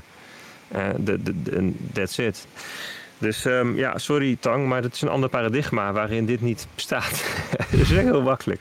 En wat betreft jouw vraag over ehm, het voorkomen van prijsinflatie, hoe hoog moet die dan maximaal zijn?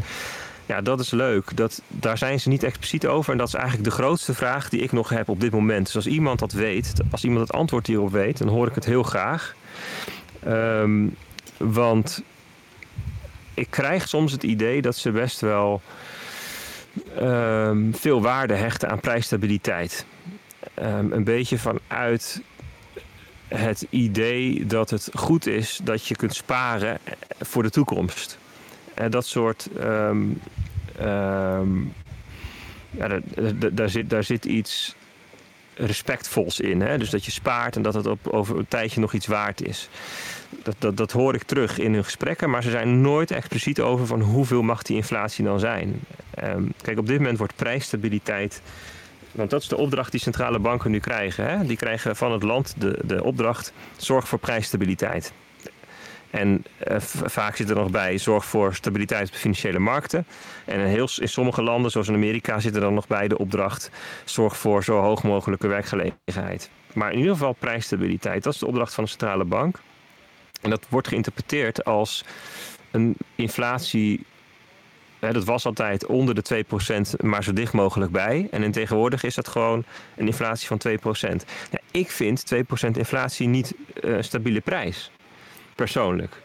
want um, met 2% inflatie is na 20 jaar um, je geld nog maar 6, 67% waard van wat het was. En is, je, is na 30 jaar nog maar 50%, 55% waard. Dus met, zelfs met 2% inflatie verdampt de helft van je waarde als je op je 30ste hard werkt en dat op je 60ste nodig he, hebt.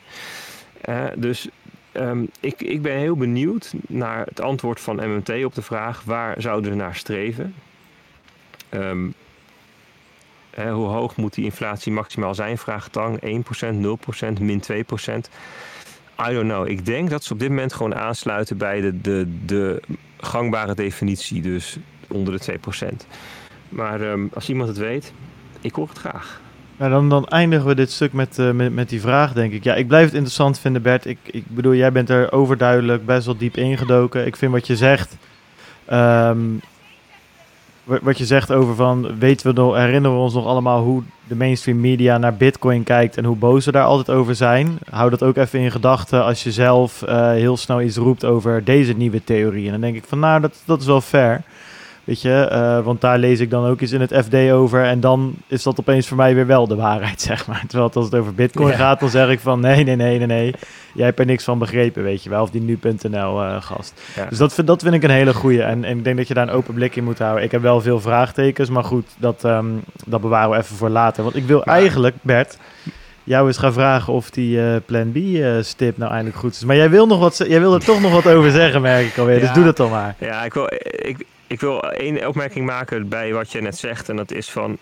Denk er vooral aan dat als je in de, in de mainstream media iets hoort over MMT, dat ze waarschijnlijk um, de dingen een beetje uit de verband trekken. Dus zodra het gaat over heel veel geld printen, dan roept iedereen: Oh, zie je wel, dit is MMT.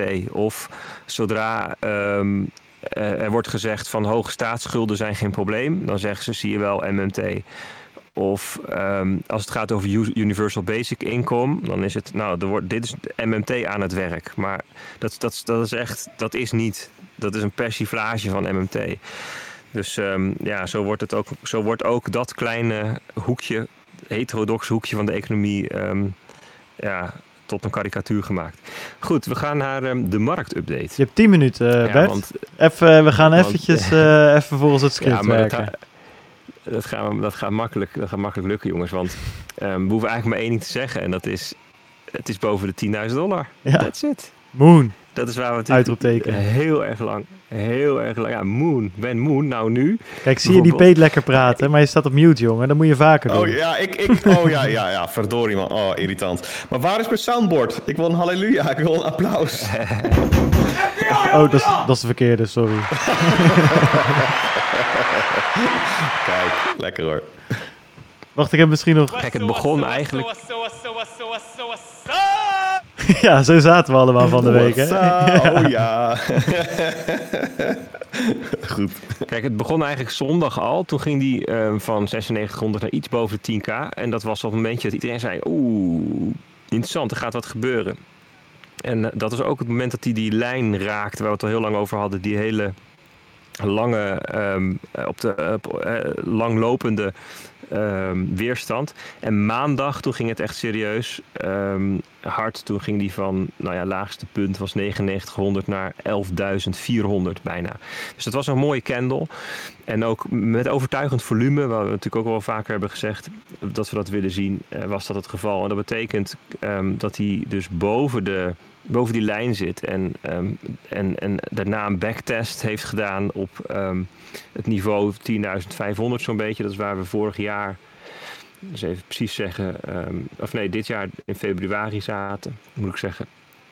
Dus die, die, die weerstand is nu support geworden. Dus ja, als ik het zo mag zeggen, dan denk ik dat we op weg zijn naar de 15.000. En dat is maar goed ook. Want we zitten nog steeds onder de stock-to-flow modelprijs. Want die is namelijk deze week opgelopen naar 11.420. We komen er wel in de buurt, dus dat is leuk. Um, en het feit dat we boven de 10.000 dollar zitten, betekent ook dat je nu per dollar minder dan 10.000 sats krijgt. Dat was want, want 10.000 keer 10.000 is 100 miljoen. Dus je krijgt nu per dollar nog maar 9.000 sats. Um, ja, het gaat de goede kant op, uh, mannen.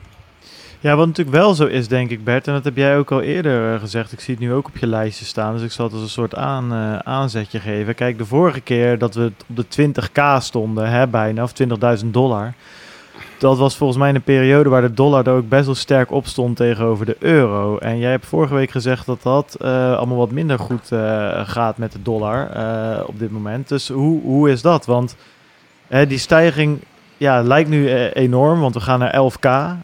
maar hoeveel is die 11k nou eigenlijk nog waard? Hè? Ook bijvoorbeeld in, in, in euro's. Is dat verschil groot ten ja. opzichte van 2017, 2018? Ja, dat is een leuke vraag. Dat heb ik niet zo paraat. Um, op zichzelf zit de euro nu wel in, in de bandbreedte waarin het de afgelopen jaren getrade heeft. Namelijk volgens mij uit mijn hoofd tussen de 1 um, dollar 7 en de 1 dollar um, 30 of 28 of zoiets in die richting. En dan zitten we nu met, met 1,15 of zo precies in het midden. Um, maar de dollar is wel zwakker aan het worden. Die, hè, terwijl de verwachting van veel mensen was dat de dollar heel, heel veel sterker zou worden. Want als het slecht gaat, als er economische turbulentie is, dan zie je vaak dat mensen toch vluchten naar de sterkste munten, dat is dan de dollar.